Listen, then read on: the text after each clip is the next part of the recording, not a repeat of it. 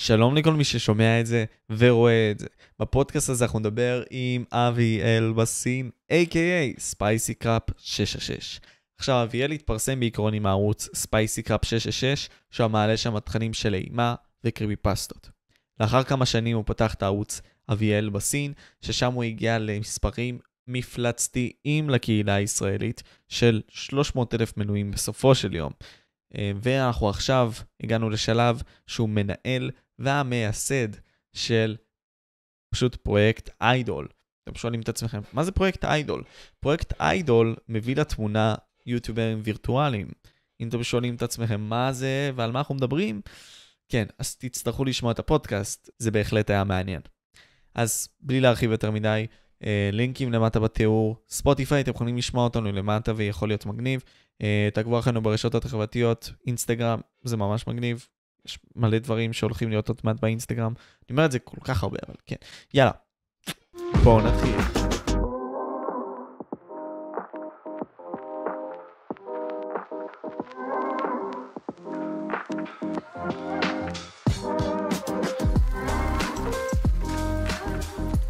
אתה בין החלוצים של הקהילה הזאת, בין האנשים שבאמת הביאו את האיכות גם לפרונט, הביאו את הצדדים של חו"ל גם לפרונט. הנגשת הרבה מאוד מהתכנים שיש בחו"ל, וגם הבאת מהצד שלך. אז אני רוצה באמת להבין, כשנכנסת ל...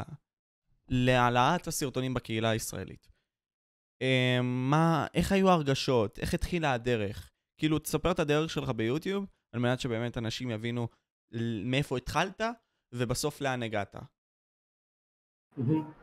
אה, תראה, בגדול התחלתי את יוטיוב עוד, כאילו, מה זה יוטיוב? אני זוכר שהייתי לוקח שיעורים פרטיים אצל מורה לאנגלית, כי אנגלית שהיא הייתה תפוקה, אה, והייתי שואל אותה, כאילו, איך אומרים עורך וידאו באנגלית, ואיך אומרים אה, יוטיובר, ואיך לתרגם מילים מסוימות לאנגלית, כי עוד כשהייתי ילד, ממש מאז שאני זוכר את עצמי, שמונה, תשע, איך שיוטיוב רק התחיל, הייתי עושה כל מיני סרטונים, אנימציות, אתה יודע, זה התחיל מאנימציות MapleStory.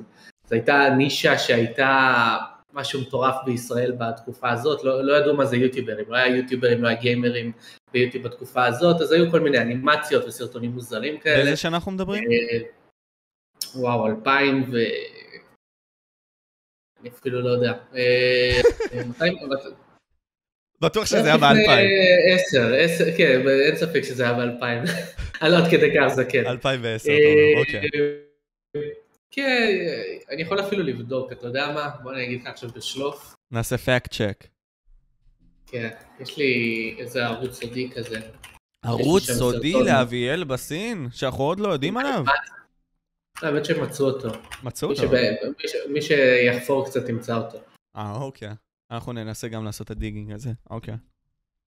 אה, כן, לפני 12 שנים בערך, קצת יותר, כי זה לא הערוץ הראשון, אבל לפני 12 שנים ככה, זה, זה מה שהיה פופולרי אז בארץ, בחו"ל גם, כל מיני אנימציות כאלה, אה, ושם זה התחיל, שם זה התחיל, כל מיני אנימציות ודברים שהם לא, לא, לא שמתי את עצמי על השולחן, מה שנקרא, אה, אבל רציתי ליצור איזשהו תוכן, רציתי להגיע לקהל, אני מניח.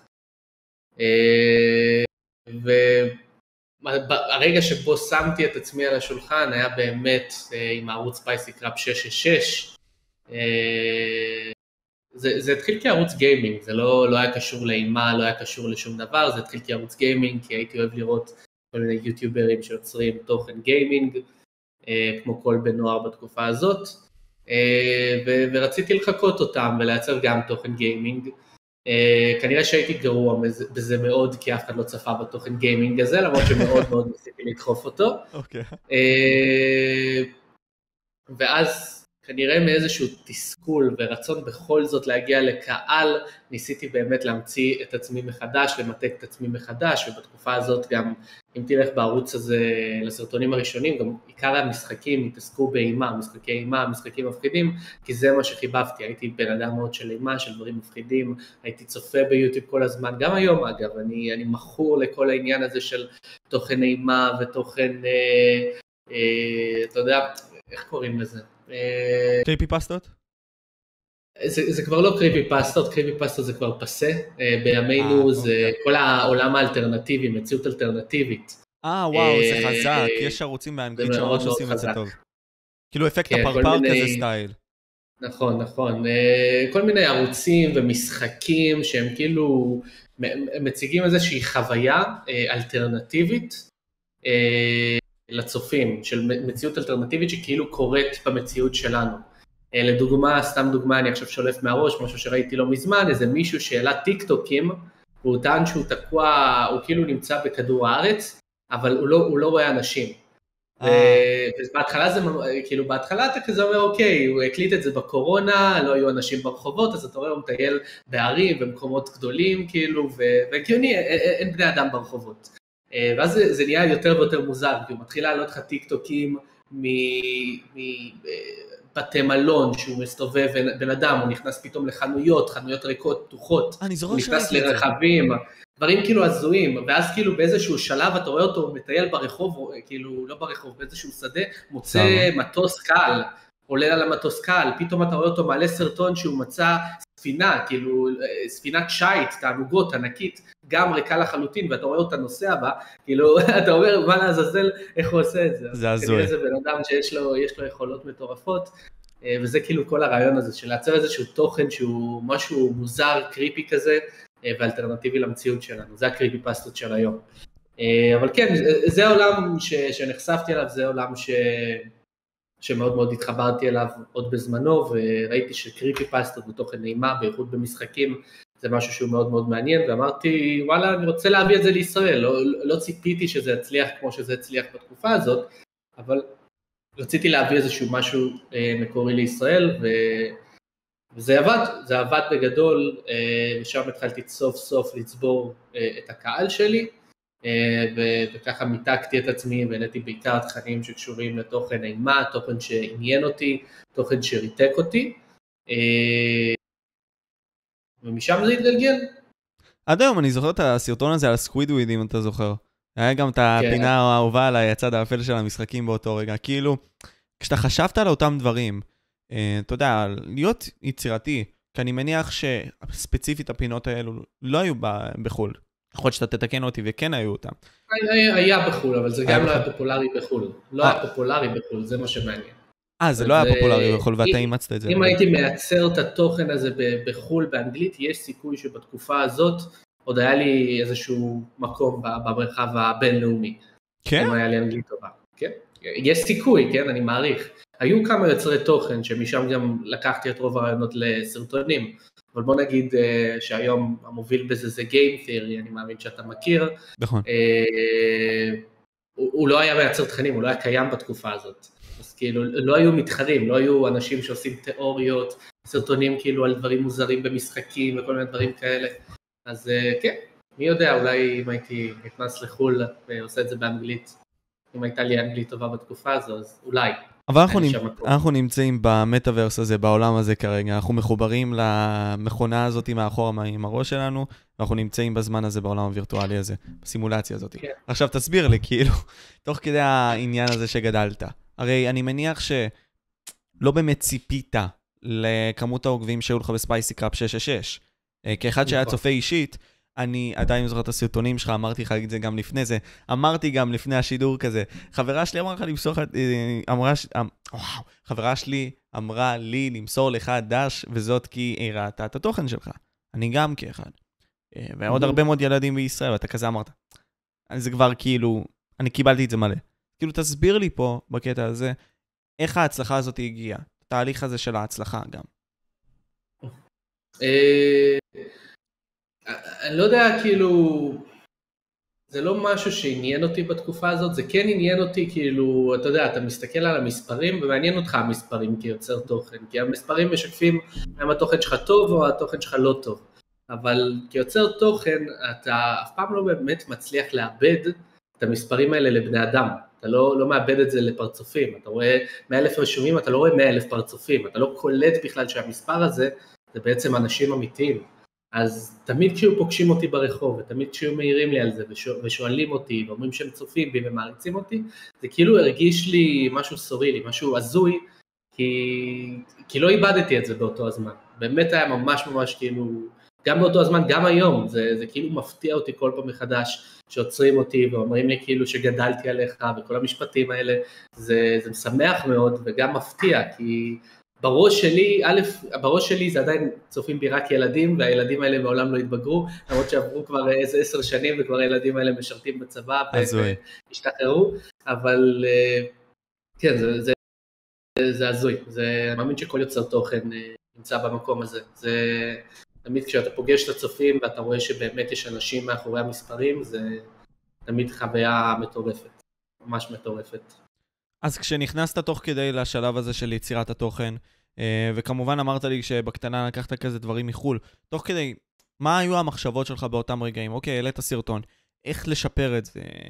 בהסתכלות הזו של יוצר תוכן של פעם, איך היית יכול לעשות level up באותם זמנים? איך עשית גם, יותר נכון? אני חושב שהסתכלתי על התכנים ברמה של מה, מה, מה מוצג בסופו של דבר ל, ללקוח, מה שנקרא, לצופה. אה, אם עכשיו הלקוח מגיע למסעדה, אז מה מסעדה כבר יכולה לשפר בשביל להשתפר? את האוכל שלה. אז אני הסתכלתי על התכנים ואמרתי, אוקיי, התכנים, מה זה תוכן בסופו של דבר? זה סרטון מוקלט, יש בן אדם שמקליט אותו אה, עם ציוד מסוים ועריכה מסוימת. אה, לא הסתכלתי אפילו יותר מדי על התכנים עצמם, כי הרגשתי שהתוכן הוא איפשהו במקום הנכון, ופשוט אמרתי, אוקיי, אני אתמקד באמת בנושאים ש... שיש לי יכולת לשפר אותם, שזה עריכת וידאו אה, ו... ו... והציוד. אז באמת כאילו השיפור, אפשר לראות שלאורך הסרטונים כל הזמן יש שיפור גם באפקטים, גם בעריכת וידאו. פתאום מסוני וגאס עברתי לאפטר אפקט.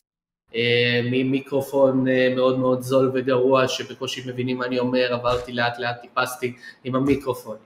ואת כל הזמן ניסיתי לשפר את המובן הטכני של הסרטונים ולא כל כך חשבתי באותו הזמן על התוכן עצמו, לא חשבתי בכלל על דברים כמו אתה יודע, audience retention, שזה כמה אנשים נשארים בסרטון, ואיפה אנשים עוזבים את הסרטון, ואיפה אני עושה תוכן יותר מעניין, ואיך להשאיר אותם יותר, דברים שבכלל לא עלו לי בראש באותו הזמן, שזה משהו שאולי היום יוצר תוכן יותר מסתכלים עליו, מאשר דברים טכניים כמו עריכת וידאו. אני פשוט ניסיתי באמת לייצר אה, משהו מעניין, משהו איכותי, ככל שאני יכול לעשות אותו יותר טוב.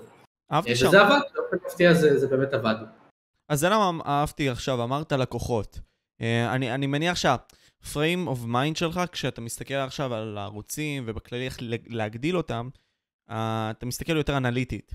אתה מבין יותר איך הדברים עובדים פחות או יותר, בין אם זה מה שקשור לי ביוטיוב, אז תסביר לי גם, כשפתחת את ערוץ אביאל בסין, uh, שגם התחלת בו בגיימינג, סוג של, כן? נכון.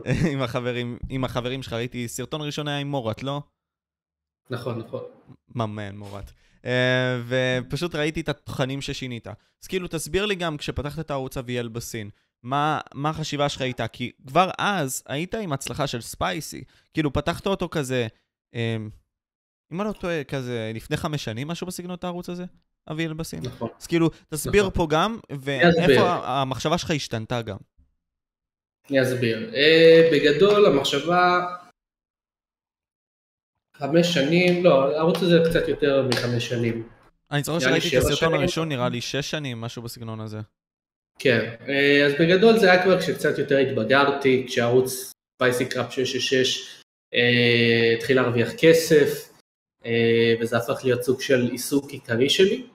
אה, ואתה יודע, כשהדברים האלה הופכים לעיסוק עיקרי, וכשאתה כבר יוצר תוכן עם הרבה צפיות ומספרים, בייחוד כשאתה בגיל הצעיר יותר, למרות שגם מבוגרים אה, חוטאים בדבר הזה, אה, מספרים הופכים להיות למשהו שאתה מפתח לו אובססיה, אוקיי? זה, זה משהו שהוא לא בריא, שלצערי הרבה יוצרי תוכן גם היום מתמודדים איתו, ועוזבים אותו, ועוזבים ערוצים ענקים עם מיליוני רשומים בגללו, כי הוא מאוד מאוד מתסכל, וזה העניין הזה של מספרים, אה, שאתה פתאום משקיע ועובד על ערוץ ואתה מגיע, אתה מגיע לכמות צפיות גדולה, אתה מגיע לכמות רישומים גדולה, אתה מרוויח כסף יפה מאוד מהסרטונים, אבל עדיין אתה מסתכל כל הזמן על הדשא של השכנים, וזה משהו שחטאתי בו גם כן, באותה תקופה ערוץ מאוד מאוד הצליח, SpicyCrap666, אבל אז אני בא ומסתכל על ערוצים כמו, לא יודע, Nonstop Gaming לדוגמה, אני זוכר מאוד בלט באותו הזמן, ואני רואה איך בתוך חודש-חודשיים הבן אדם מקבל את כל הרישומים שקיבלתי במשך שנה,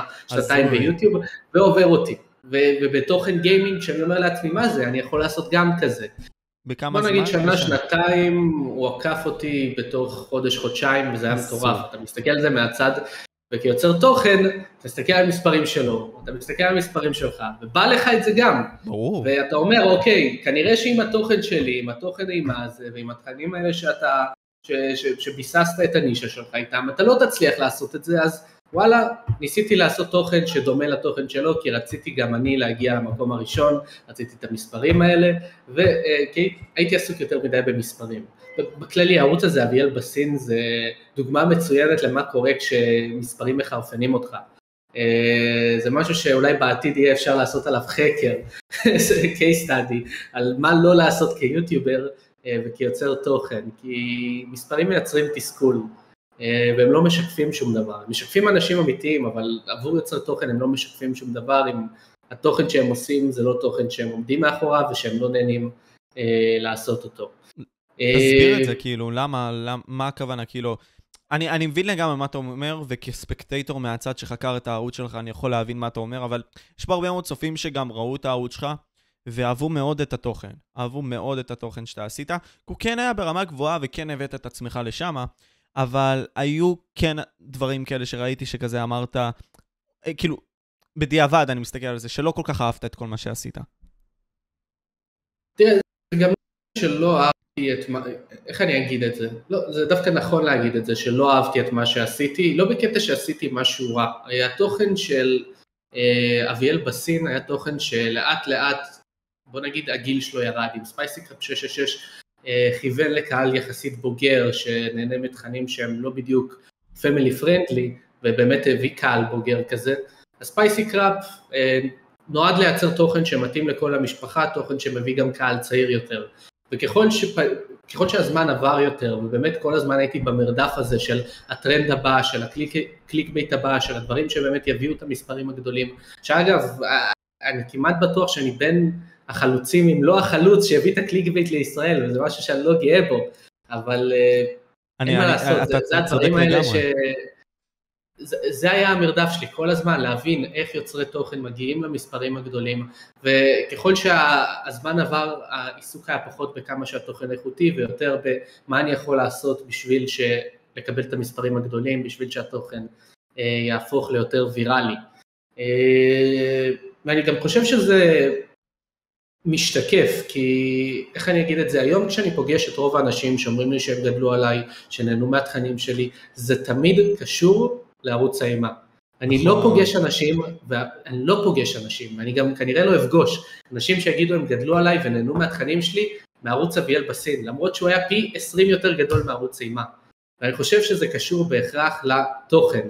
זה היה תוכן שהוא כמו מקדונלדס, אתה לא חושב עליו בלילות ולא מפנטז עליו שוואו איזה טעים היה לי בלאכול את זה, למרות שזה אוכל פסט פוד והוא נחמד ומדי פעם אתה תאכל אותו כי, כי זה מעביר לך את הזמן ו, ו, וכי אתה רוצה את זה, וזה אותו דבר עם התוכן.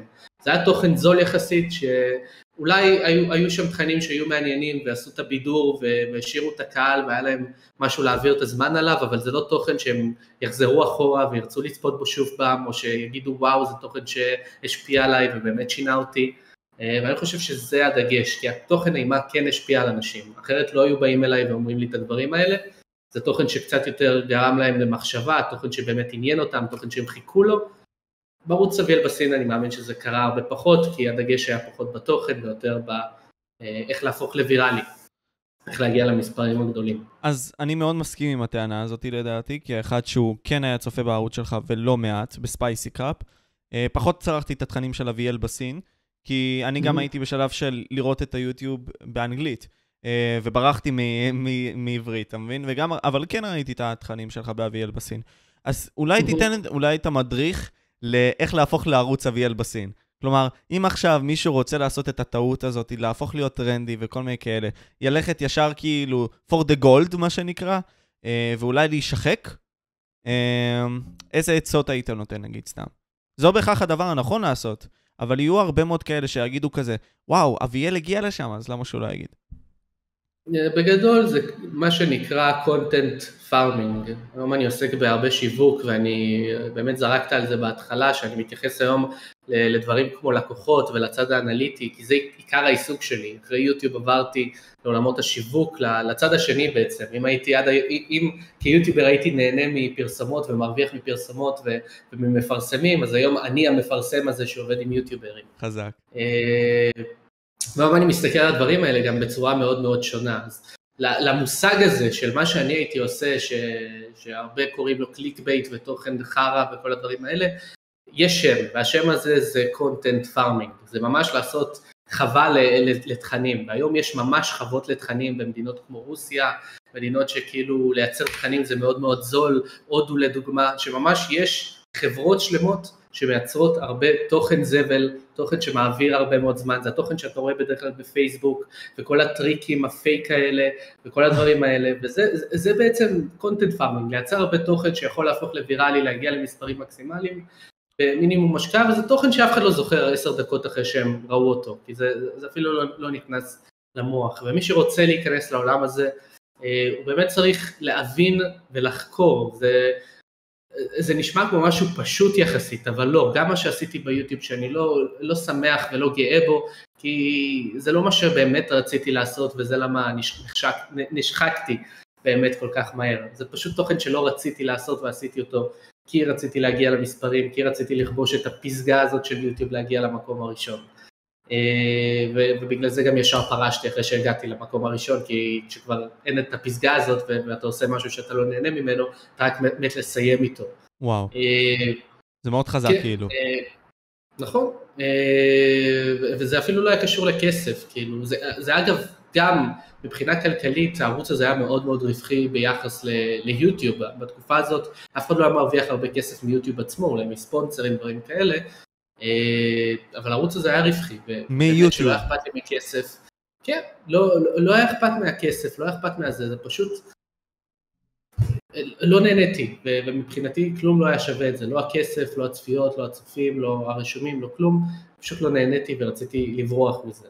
אה, אבל מי שכן רוצה ללכת, ומי שכן זה מעניין אותו ולא אכפת לו, והוא רוצה להפוך את זה לפול טיים ג'וב, אז זה, זה נישה שהיא מסובכת, היא יותר מסובכת משהיא נראית, זה ממש מה שנקרא שיווק אורגני, זה להבין מה גורם לאנשים להקליק על התכנים, הרי האלגוריתם בסופו של דבר, אם אני, איך אני אגיד את זה, אני אפשט את האלגוריתם על רגל אחת, אה, כי יוצא לי הרבה, גם בזמן האחרון, בלי קשר לסטארט-אפ שלי איידול, שמאמין שנדבר עליו. כן, נדבר עליו ממש, דווקא לעומק. אבל לא רק באיידול, בכללי, יצא לי לעבוד עם הרבה חברות, וגם בגלל הרקע שלי בשיווק והפעילות שלי בשיווק, יצא לי לעבוד עם הרבה אנשים שביקשו ממני ללמד אותם איך להצליח ביוטיוב, שעזור להם ביוטיוב, כל הדברים האלה בצורה אורגנית, מה שנקרא. זאת אומרת, בלי לשלם כסף על שיווק ממומן, בלי להשקיע שקל בעצם ולהגיע לקהל בחינם. אה, ובשביל זה צריך להבין איך האלגוריתם עובד. אה, ואלגוריתם ממש על רגל אחת, כי הוא מאוד מאוד מסובך, וגם יוטיוב עצמם לא מאה אחוז בטוחים איך הוא עובד, אה, חשוב לו מאוד שני דברים עיקריים. הדבר הראשון זה לגרום לאנשים להיכנס ליוטיוב, להקליק על סרטונים, להקליק על אפליקציית ליוטיוב, להקליק על התראות, כשהוא שולח לאנשים התראות שעלה סרטון חדש, אוקיי? והדבר השני זה להשאיר אנשים ביוטיוב, הרי זה הגיוני, יוטיוב רוצים שייכנסו כמה שיותר אנשים ליוטיוב ויישארו שם כמה שיותר זמן. אה, ולא בהכרח אגב יישארו בסרטון ספציפי שלכם, אלא בכללי שיישארו הרבה זמן ביוטיוב. אה, וכשאתה מבין את שני הדברים האלה, אתה יכול להתחיל לחשוב על איך אתה מייצר תוכן שעונה לשתי הדרישות האלה, וכשאתה מצליח לענות עליהם בצורה שהיא consistent, מה שנקרא, אתה, אתה עקבי בדברים האלה, אז האלגוריתם של יוטיוב יש לו אינטרס לקדם אותך והוא מקדם אותך. וזה משהו שהצלחתי להבין מאוד מאוד מהר. כי זה לא מספיק, אנשים חושבים אוקיי אני אייצר תוכן עם clickbait ואתה רואה את זה גם בערוצי פרודיה וכל מיני ערוצים כאלה שצוחקים על clickbait שהם באים לעשות clickbait אירוני מה שנקרא וזה לא עובד להם כי הם, הם חושבים שה clickbait נגמר ב clickbait אבל הוא לא, clickbait זה בסופו של דבר להשיג את הקליק, לגרום לאנשים להקליק על התוכן שלהם בין אם זה ב thumbnail מושך או כותרת מושכת, אבל זה לא מספיק. אבל יש וריאציות לקליק בייט, הרי אה, אני זוכר שגם נכנסת לס... אה, להסבר בסרטון הזה, וגם היה את הערוץ Veritasium, הערוץ הזה הגדול, שדיבר על clickbait. הוא ממש עמד על סולם וכזה, אה, אני, אני לא יודע אם ראית את הסרטון, אבל בכללי הוא דיבר על שני גוונים של clickbait. יש לא clickbait בכלל, יש fair bait, ויש clickbait בהגדרה האמיתית שלו, שזה פשוט כאילו להביא אנשים לסרטון ופשוט לא להביא את מה שבעצם רשמת בכותרת נניח. אמרת כזה, לא יודע מה, אני דיברתי עכשיו עם דונלד טראמפ, ולא באמת דיברת עם דונלד טראמפ, דיברת עם בובה נכון. של דונלד טראמפ. אתה מבין? אז, אז זאת דוגמה טובה. אז כאילו, אם אתה יכול גם לפשט את ההגדרה של ה clickbait בהגדרות האלה, אה, וגם מה שאתה עשית באותה תקופה, אני יותר מאשמח. נכון. אה, בכללי כשאני אומר clickbait, אני מדבר על כל, כל ההגדרות האלה שציינת. מבחינתי clickbait זה לגרום לאנשים, מה אתה עושה בשביל לגרום לאנשים ללחוץ על, אה, על הסרטון שלך, על התוכן שלך. אז ההקלקה הזאת על התכנים, זה, זה לא נגמר שם, הרבה אנשים חושבים אוקיי, הוא עשה, תוך, הוא עשה כותרת אה, שהיא מאוד קליקבייטית, כותרת שגורמת לאנשים לרצות להקליק על הסרטון, הוא עשה תמונה שהיא מאוד מאוד מושכת, בין אם זה מטעה אנשים או אם זה אפילו דובר אמת, זה לא משנה. כי ה clickbait לא נגמר שם מבחינת האלגוריתם של יוטיוב, זה לא מה שיגרום לאנשים אה, לקבל את הסרטונים האלה במומלצים. והדבר השני הוא לא רק להביא אנשים לסרטון, הוא גם להשאיר אותם ביוטיוב או בסרטון עצמו, מה שנקרא retention. אה, וזה משהו שהרבה אנשים מפספסים והוא האתגר הכי גדול. ככל שה clickbait יותר גדול, אנשים מגיעים עם ציפייה יותר גדולה. זאת אומרת שזה double edged sword, זה חרב עם שתי קצוות, לא משנה איפה אתה תופס אתה נדקר. נכון. אתה עושה קליק שעם clickbait מאוד מאוד מסיבי, אנשים הולכים להיכנס עם ציפייה מסיבית, לראות שזה, כמו שאמרת, בובה של דונלד טראמפ, הם הולכים לעזוב את הסרטון מיד, והאלגוריתם לא יקדם אותך. זאת אומרת שאתה חייב למצוא את האיזון הזה בין תוכן שהוא קליקבייטי, וגם תוכן שגורם לאנשים לצפות בסרטון עד הסוף, סרטון ארוך, להיות כמה שיותר זמן בסרטון הזה, וזה האתגר המסיבי, זאת אומרת שהתוכן לא באמת יכול להיות חרא לחלוטין. ערוצי clickbait חייבים גם לייצר תוכן שמעניין בסופו של דבר את קהל היעד, שלוחץ על הסרטונים האלה ומשאיר אותם לאורך הסרטון, וזה האתגר האמיתי, לא ה clickbait, שגם הוא אומנות בפני עצמה, וזה לא פשוט כמו שזה נשמע, זה לא מספיק לשים תמונה של ציצים עם חץ אדום ולקרוא לזה יום. ה clickbait הוא, הוא אתגר, הוא, הוא משהו שאתה לומד עם הזמן ומשהו ש, שאתה משתפשף בו עם הזמן, זה ממש בעולם השיווק נקרא לא clickbait אלא hook, לעשות איזשהו hook, לתפוס את, ה, את האנשים, את תשומת הלב שלהם. אבל מצד שני אתה גם חייב להיות יוצר תוכן טוב. גם הקליקבייטרים האלה וגם ה content farm האלה, הם יודעים את הצופים שלהם, הם יודעים לייצר תוכן שהוא טוב, הוא לא טוב כי הוא, אתה יודע, יש תוכן טוב ויש תוכן טוב. אני לא מדבר על התוכן כמו SpicyCrap666 שבאמת עניין אנשים והשפיע עליהם, אלא תוכן שהוא יותר יודע להשאיר אנשים מרותקים למסך עד סוף הסרטון, כי לא יודע, הוא משחק להם במשהו בראש, הוא מעניין אותם, העריכה מעניינת אותם, ו- וזה עובד, אתה יכול לראות ש- שהסרטונים האלה של קליקבייטרים מגיעים להרבה צפיות בגלל זה, כי התוכן עובד, אתה, אתה יכול למצוא את עצמך צופה בו עד הסוף ולהגיד מה לעזאזל ראיתי עכשיו, אבל נכון. עדיין ראית עד הסוף. attention זה אה, כוח בסופו של יום. וכשאתה בא ומשאיר בן אדם מסוים, אה, בין אם זה על התוכן שלך, אתה הרווחת. אה, וכמו שאתה אמרת מבחינת ה retention, אה, שאני חושב שאם אתה יכול לפרק את זה, אני יותר מאשמח גם ב thumbnail, נגיד סתם, אני זוכר סרטונים שלך, שנגיד סתם בערוץ הזה של אביאל בסין, היית שם את הפנים שלך הרבה מאוד והיית מגדיל את עצמך. איזה דברים נכון. או טכניקות נכנסות לאומנות ה thumbnail, כאשר אתה בא ומנסה להכין אותו? האם היו לך איזה שהם טריקים כמו לא יודע, טכניקות אה, אה, של פיזיקאים נגיד סתם, שהם באים כזה מהנדסים, אה, משולש הזהב, כל מיני כאלה. שמע, כל הדברים האלה הם נכונים. בסופו של דבר, זה לא נגמר בטאמניל. זה, זה מה שנקרא הקונספט של הסרטון. סרטון חייב להיות עם קונספט מאוד מאוד ברור. Uh, הכותרת שלו צריכה לשחק ביחד עם הטאמנל, זה הכל חייב להתקשר ביחד ולייצר איזשהו סיפור. לבן אדם שרואה את זה. זאת אומרת, קופץ לו המלצה של סרטון, הבן אדם רואה את הכותרת, הוא רואה את הטאמנל, יש לו איזשהו קליק בראש. בגלל זה לרוב, אתה תראה שהערוצים המצליחים ביותר, מיסטר ביסט וכאלה, אין להם אפילו טקסטים בטאמנל, ולפעמים אם מופיעים טקסטים זה מילה אחת, כי לא צריך טקסט. התמונה מספרת סיפור מאוד מסיבי, וגם הכותרת. והסיפור הזה זה בעצם מה הולך לצפות להם בסרטון ולמה כדאי להם לראות אותו. זה הרבה יותר מ... לשים את הפרצוף שלך, ויש מאחורי זה היגיון. שאגב, אני הייתי עושה את זה, לא הייתי חושב על הדברים האלה יותר מדי, פשוט הייתי מנסה לחקות את הערוצים הגדולים בחו"ל, ולנסות ללמוד מהם ולעשות דברים דומים אליהם. לפעמים הייתי פוגע, לפעמים לא, לא חקרתי יותר מדי ולא הבנתי כנראה בתקופה הזאת מה באמת גורם ומשפיע על המוח בצורות שונות. אפשר להסתכל על דברים יבשים, כמו צבע צהוב זה הצבע שתופס את העין אה, ראשון, בגלל זה מוניות לדוגמה צבועות בצבע צהוב או יש להם שלט צהוב. אה, אפשר להסתכל על זה שעיניים זה הדבר הראשון שבני אדם רואים, אה, כמו שהזכרת את המשולש, אז בפרצוף שלנו קודם כל אנחנו נשים לב לעיניים, זה גם כן יש משולש בפנים שלנו, זה העיניים אף ופה, ובגלל זה אתה רוצה ש...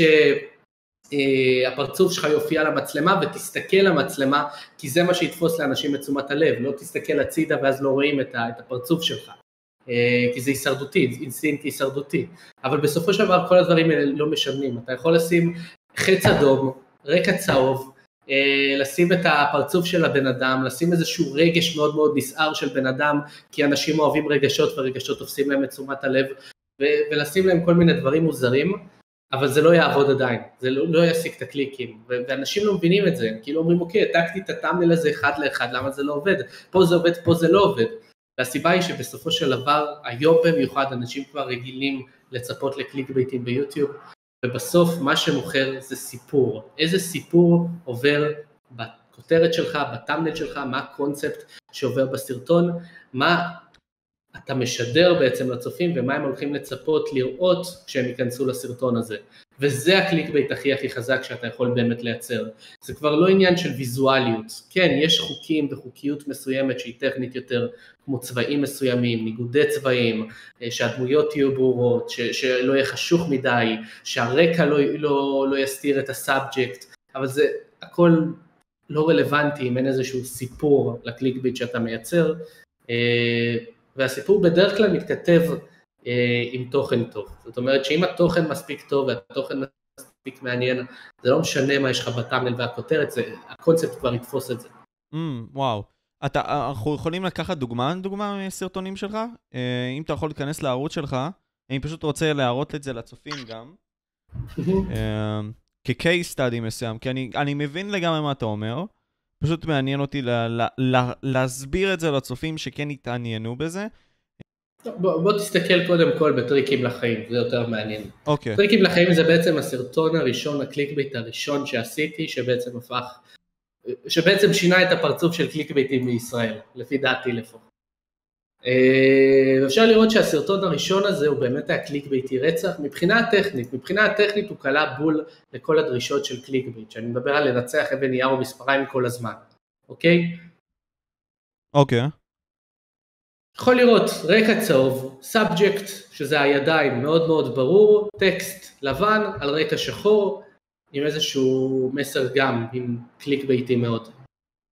אתה על הנייר, אוקיי. על הנייר זה ה clickbait המושלם, והוא הגיע להרבה מאוד צפיות. אבל אפשר לראות שכמה, אולי שנה אחרי, אני לא בטוח כמה זמן אחרי, ניסיתי לעשות כמעט העתק של הדבר הזה, משהו דומה לחלוטין של לנצח הטלת מטבע כל הזמן. כמעט הקונספט זהה לחלוטין, זה הגיע ל-800 אלף צפיות, זה הגיע ל-100 אלף צפיות.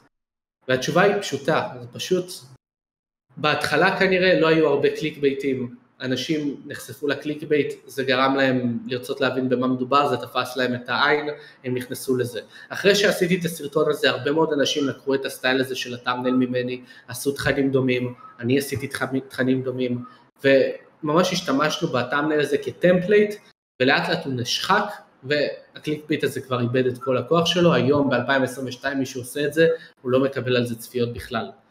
כי זה לא מספר סיפור מעניין. על היד השנייה, קליק אה, bait שמספר סיפור מעניין, בוא נסתכל. אני אגיד לך... מה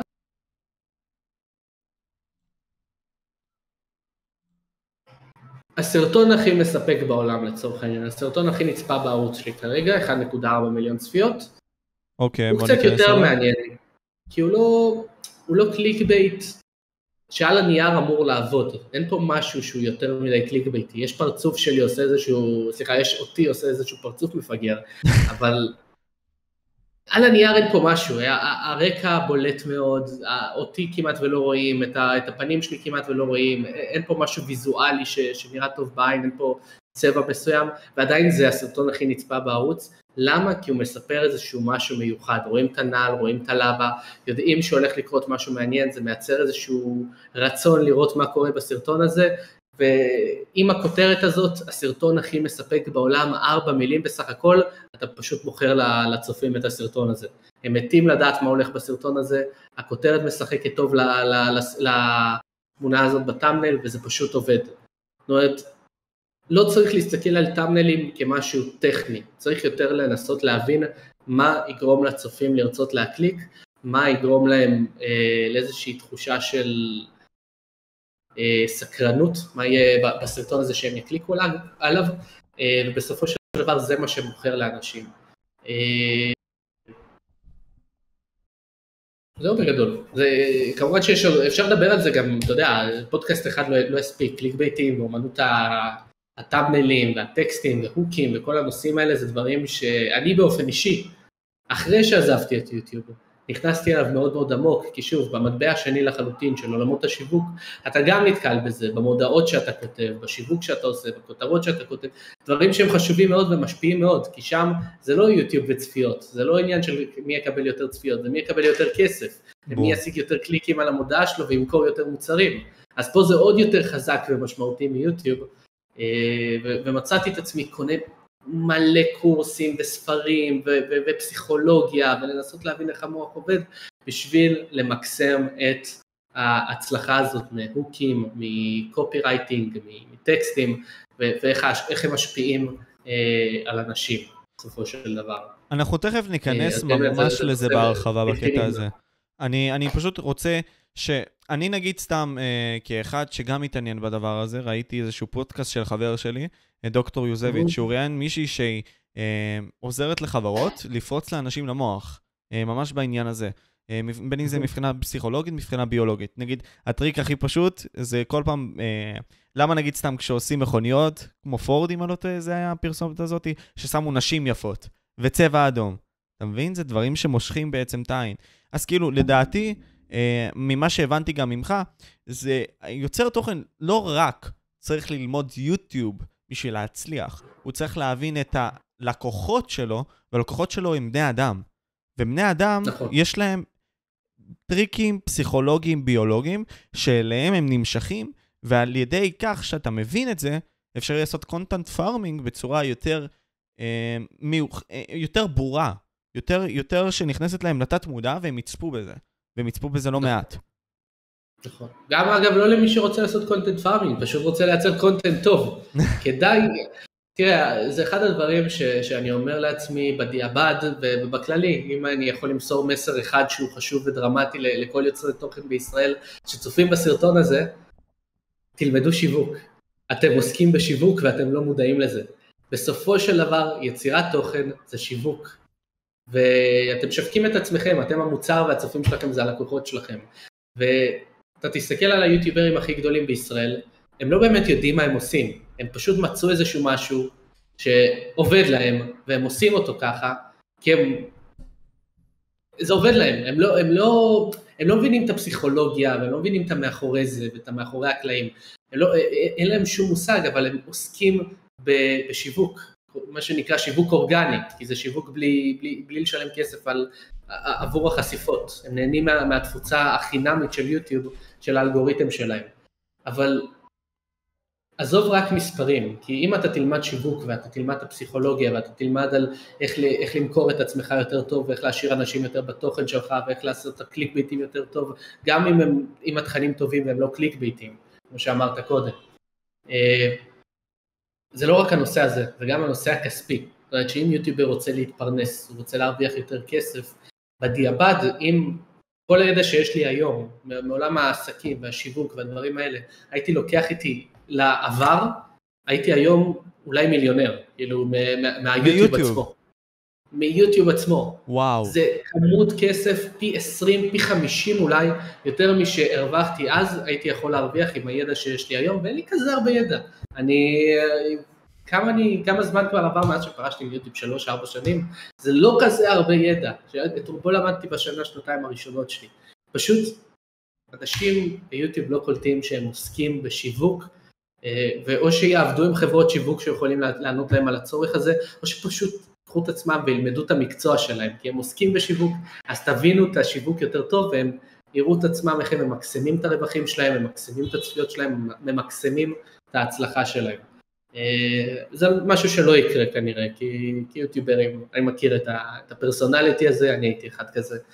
אה, זה, זה אנשים שלרוב, בייחוד האלה שמצליחים, כן, לא כולם, אני מכליל, אבל בדרך כלל אלה שמצליחים הם די בבועה הזאת של אני יודע מה אני עושה, אני מכיר את הצופים שלי הכי טוב, אין לי מה ללמוד כרגע, אני מצליח, הם לא, לא ייכנסו לזה, אה, בייחוד אלה שמצליחים. אלה שאולי בדרך לשם, הם כן ינסו לראות מה הם יכולים לעשות בשביל למקסם את ההצלחה.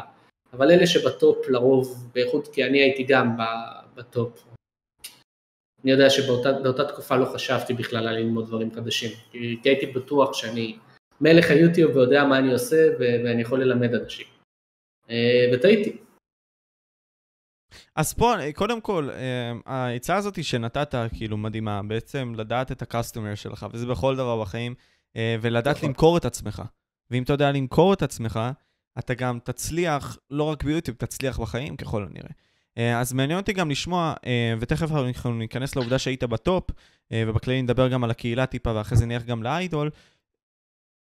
אמ, איזה, ספר, איזה ספרים קראת שנגיד סתם ממש השפיעו עליך? שהיית ממש ממליץ אולי לצופים אה, לקרוא או לעבור עליהם בכדי למקסם את האפשרות שלהם, נגיד סתם להבין את הקהל הזה, להבין את האנשים, להבין את בני האדם. אולי גם להבין את יוטיוב. כן, לפני שהתחיל הפודקאסט זרקת את המילה דן אריאלי, שאני מאוד מאוד מתחבר לספרים שלו, אה, באמת בן אדם מרתק, קראתי נראה לי את רוב הספרים שלו. אה, בכללי קראתי הרבה מאוד ספרים שקשורים לפסיכולוגיה, תמיד יש לידי ספר ואני תמיד ממליץ לאנשים, הנה אני פה בשלוף זורק, זה לדוגמה ספר פסיכולוגיה, The Happiness Hypothesis, ספר מצוין אגב, שמדבר על uh, קצת פחות פסיכולוגיה שיווקית, אבל יותר על הפסיכולוגיה של אנשים, מה גורם להם לשמוח, מה גורם הרגשות שלהם וכל מיני דברים כאלה. בסופו של דבר זה, זה המוצר, אתה רוצה להבין את הפסיכולוגיה של האנשים בשביל לדעת איך להשפיע עליהם הרבה יותר טוב, זה לא עניין בכלל של איזה ספר לקרוא ומה לקרוא ואיזה קורס לקחת, כי מי שרוצה ללמוד, אז הוא יכול לעבור על כל הספרים ועל כל הקורסים ועל כל הדברים בתוך חודשים, לא, לא, לא מדובר פה על שנים, הוא יכול לרוץ על זה אם הוא באמת רוצה ללמוד, וזה לא משנה מה הוא לומד, העיקר שהוא לומד והוא מתפתח, הוא תמיד ימצא, תמיד יש איזשהו תובנה מסוימת, אפילו מספיק תובנה אחת שאני לוקח איתי מספרים ומקורסים ומתכנים שאני לומד, מהכשרות, ממורים פרטיים, באמת עבדתי עם הכל והכל בשביל להשתפר אה, ולהצליח כמה שיותר בדברים שאני עושה, אה, פשוט ללמוד, זה לא, זה לא משנה מה, אם אתה נמצא במצב שאתה לומד, אתה כבר במצב טוב יותר מ-99% מהאנשים שלא עושים את זה. עצם זה שאתה עושה את זה. אה, מי שבטוח שהוא יודע הכל, אז הוא לעולם לא יתפתח ולעולם לא, לא יגיע באמת לטופ. צריך, צריך שיהיה לך גרוף מיינדסט בקטע הזה לדעתי. כן. דיברתי על הקונספט הזה, זה פשוט דפוס החשיבה מתפתחת, כמו תינוק שנכנס לעולם. אתה צריך גם לתפוס את כל שאר הדברים שלך, כי אנחנו לא יודעים כל דבר, ודברים גם משתנים בחיים האלה. נגיד, ים המלח. יכול להיות שבעוד כמה זמן הוא לא יהיה ים, אלא רק יהיה מלח, אתה מבין? כי הוא בסוף לא יישב ממנו כלום, וזו דוגמה ממש, נראה לי טובה. אז, כאילו, תמיד לבקר את עצמך ותמיד לשאול את השאלות האלה, וזו דוגמה, קודם כל, עצה ממש טובה בכללי בקטע הזה. אתה היית בטופ של יוטיוב, יוטיוב ישראל. You was the best. היה לך, היה לך את הזמן הזה. עכשיו, כשאתה מסתכל על זה בדיעבד, איך זה מרגיש להיות הכי טוב, וגם איך הרגישה הקהילה עצמה באותו זמן? כלומר, איך היוצרי תוכן היו? האם היה אחדות כלשהי? האם הם התחילו כבר אה, להבין את פחות או יותר מה שאתה עושה, ולהיכנס כבר להיות אה, דור יותר מתקדם ביוטיוב? אני לא יודע אם הייתי מסתכל על זה ככה. אה, תראה, הייתי ב top, אבל גם כשאתה ב top אתה מסתכל על הדשא של השכנים. אז אומנם אני ב top מבחינת רשומים, אבל יש לאנשים שיש להם יותר צפיות ממני בסרטון ממוצע. ו- ויש אנשים שיש להם פחות צפיות, אבל הקהל שלהם הוא יותר משתף איתם פעולה ויותר זורם איתם והוא יותר בוגר ויותר מעניין. זאת אומרת, אתה אף פעם לא באמת מרגיש ב top, וזה מה שהבנתי בדיעבד מהמרדף על, אחרי המספרים, שאתה אף פעם לא מרוצה. אני מבטיח לך שגם פיודיפיי, אם הוא, אם הוא היה מכור למספרים, הוא היה מוצא על מה להסתכל ובמה לקנא אצל אנשים אחרים. אה, לא יודע, נכנע, הגעתי ל top, אבל זה לא, זה לא שהרגשתי איזה סיפוק אדיר ש, שציפיתי להרגיש ו, וזה משהו מיוחד. כי בסופו של דבר הייתי עושה תוכן שלא באמת נהניתי לעשות. עשיתי את זה בגלל המספרים, אה, ולא בגלל אהבה לתוכן ואהבה ליוטיוב ודברים כאלה. בגלל זה מהר מאוד גם זה מיצה את עצמו. אה, לגבי אחדות ביוטיוב זה לא היה, גם היום אני מאמין ש... זאת אומרת, כל אחד וה, והקבוצות שלו. בכללי אני לא הייתי יותר מדי בקשר עם יוטיוברים ולא הייתי עושה יותר מדי שיתופי פעולה. מאמין שגם הרבה אנשים נרתעו מלעשות איתי תכנים בגלל. שהתוכן שלי היה כל כך שונה אה, מהתכנים שלהם. כן, שוב, לא, לא הייתי שם את עצמי באמת על השולחן, אמנם הפרצוף שלי הופיע בסרטונים, אבל זה לא היה האישיות שלי, זה לא היה, זה לא הייתי אני, זה היה תוכן שכל הזמן קיבל במה, וזה לא היה תוכן ש, שכנראה אנשים רצו, אתה יודע, אה, בהכרח להתקשר אליו ולשלב את הערוץ שלהם איתו, כי זה פשוט היה שונה כל כך ממה שהם עשו. אה, וזה הבאסה עם תוכן כזה, עם content farming, כי בסוף זה ה content שאתה עושה לו farm ולא אתה שמקבל את הבמה. וואו, וכאילו מצד אחד אתה אולי מגדיל את כמות האנשים שצופים באומנות שלך, אבל לא מבינים אותך, ולא עוקבים אחריך גם אחרי זה. צופים פחות loyalיים, כאילו זה מה שאתה מנסה להגיד.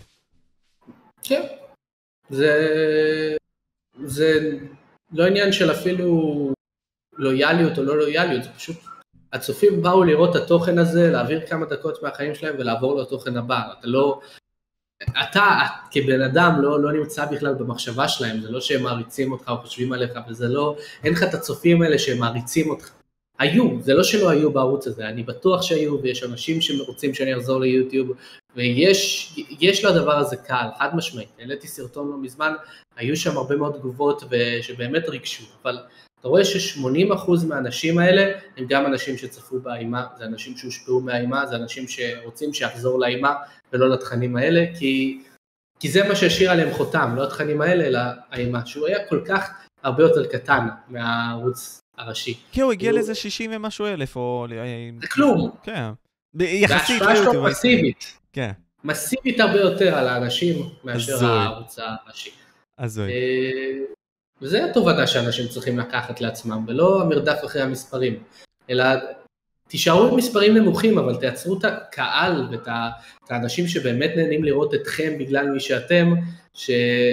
כי יש לזה אפקט הרבה יותר חזק מכל הבחינות, והרבה יותר, הרבה יותר כיפי גם לייצר תוכן, כי יש לו קהילה כזאת שהוא מטפח אותה והיא אוהבת אותו בגלל מי שהוא ורוצ... ומחכה לתכנים חדשים בגלל מי שהוא, ולא בגלל התכנים שלו, ולא בגלל הדברים שהוא העלה.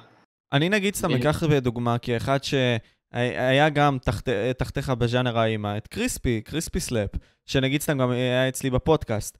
אה, וגם אצלו, נגיד סתם, הוא העלה סרטון לפני איזה כמה זמן, לפני כמה שעות, והוא הגיע לאיזה 1,400 צפיות, ואני מאוד מרגיש שבז'אנר האימה בכלל, ה engagement הוא עצום, כאילו, האנשים invested ממש למה ש... אתה מספר כסיפור, וזה מבחינתי מאוד מדהים, כי אני זוכר עד עכשיו את איך שאתה היית מספר סיפור. והאם למדת את זה גם, איך לספר סיפור? כי האומנות הזאת... לא למדתי. לא למדת את זה? פשוט, לא יודע אפילו איך זה יצא, אבל זה פשוט כנראה עבד. לא יודע למה, אבל זה עבד. אני לא חושב אגב שזה קשור לאימה, זה לא, זה לא האימה, זה פשוט התוכן שהוא תוכן שהוא מלמד והוא מעניין והוא מיוחד והוא מביא את הזווית שלך, אני גם לא חושב שזה הקריפי פסטות, קריפי פסטות עצמן שעניינו כל כך הרבה אנשים, כמו שזה היה הסרטונים שהם, איך אני אגיד את זה, שיש מאחוריהם עבודה, שיש מאחוריהם מטרה להבין משהו מבחוץ לישראל או משהו מקורי לחלוטין שהוא שלך, וזה משפיע ומשאיר חותם על אנשים הרבה יותר חזק, זה באמת מייצר את ה engagement ואת הציפייה הזאת לעוד תכנים, זה לא שאין ערוצים כאלה בישראל, יש לצערי לא מספיק. אין היום כמעט וערוצים שעושים את הדברים האלה, אה, כי מה לעשות, הם לא מגיעים למספרים אה, הגדולים האלה ש... התכני content farming מגיעים. וכנראה זה מתסכל אנשים, והם לא, והם מפחדים לפרוץ איתם. אז אם מדברים על תוכן יותר איכותי, שלדעתי זה גם תוכן האימה, אנחנו נמצאים בעולם שאוהב תוכן זול, ואוהב שנוגעים לו ביצרים, ואוהב שכל פעם הוא מוצא סטיות חדשות אצלו ומגרה אותם עוד יותר. בין אם זה ASMR, אה, בין אם זה נגיד סתם, אני הייתי אצלי בשיעור לפני כמה זמן, בכיתה שאני יודע עם י"ב, אני רואה את חבר, אה, ידידה שלי לכיתה, לוחצת, עוברת בטיקטוק ורואה מישהו, מישהו אוכל. constantly, חצי שעה. אז כאילו, מעניין אותי הידיעה שלך בנוגע להבנה הזאת של עולם חדש מופלא כזה, וגם טיק טוק, במיוחד טיק טוק. ההבנה הזאת אצלך, איך אתה תופס את טיק טוק כאחד שכן חוקר את העולמות האלה, ומבין שהתוכן הקל הזה, זה מה שבעצם אנשים אוהבים. בין אם זה גם הפורנו, וכל מיני כאלה בימים שלנו. תראה, אני חושב שבסופו של דבר, אה, מה שנקרא מזון מהיר ו fine dining, והם יכולים להתקיים באותו היקום והם תמיד יתקיימו באותו היקום, כי יש לאנשים צרכים שונים. כן, גם כשאני אה, בשעה מאוחרת בלילה שוכב במיטה וגולש בטלפון, אז סרטוני shorts וטיק טוק יעניינו אותי יותר, כי זה מעביר לי את הזמן בסבבה ולא תופס לי, לא דורש ממני יותר מדי זמן להיות invested שם. וזה לא שאי אפשר לייצר תכנים טובים שמשפיעים על אנשים בתוך פחות מדקה. אפשר גם לעשות את זה, זה גם אפשרי, זה לא סותר. אבל בסופו של דבר זה יכול להתקיים וגם תכנים שהם יותר מרתקים, יותר ארוכים, יותר מקוריים, יותר מיוחדים, אה, ופשוט יותר משפיעים על אנשים, משאירים עליהם חותם. אפשר לראות את זה בחו"ל, זה לא שהיום כל הערוצי יוטיוב בחו"ל זה clickbait וזה מה שמצליח. לא, דווקא יש הרבה במה לערוצים, אה, כמו שזרקנו לדוגמה אה, Game Theory קודם, שעושים תכנים שהם באמת מרתקים, הם לא clickbait ים, הם מקוריים, יש להם איזשהו קונספט, והם מקבלים כמויות צפיות אדירות. זה לא, ש... זה לא אפשרי, זה אפשרי לעשות את הדברים האלה, אפשר לייצר תוכן שהוא בוגר יותר, אפשר לייצר תוכן שהוא מעניין יותר, אפשר לעשות תכנים שהם לא רק במטרה לעשות את ה clickbait, גם בעולמות הגיימינג, גם ב, ב, אפילו במיוחד בעולמות הגיימינג אגב, אני לא חושב שיש היום בישראל ערוץ אחד אה, שעושה תוכן לאנשים מבוגרים. או, לא זה, אתה, אתה, אתה בדיוק עשית הליד שממש רציתי להגיד, אנחנו בטלפתיה עצומה פה. נגיד, יש עכשיו את פדיקסול שהתחיל עם ה-only fans. אתה ראית את זה בקטנה? כן, נכון, שהוא עשה איזה... אני ראיתי את הטאמנל ואת הכותרת, לא ראיתי את הסרטון. אז מה אתה כן. חושב על זה נגיד סתם? כי הרבה מאוד אנשים, ואני חושב שאתה יכול מאוד להבין את זה, בגלל שזה משהו כזה חדש, אה, ובגלל שאנחנו רגילים לתוכן יותר צעיר כזה, פחות או יותר, או כאילו הכי מוגזם, לא פמילי פרנדלי, בסדר? הכי מוגזם. אה, אנחנו לא מדברים עכשיו לקהל מבוגר.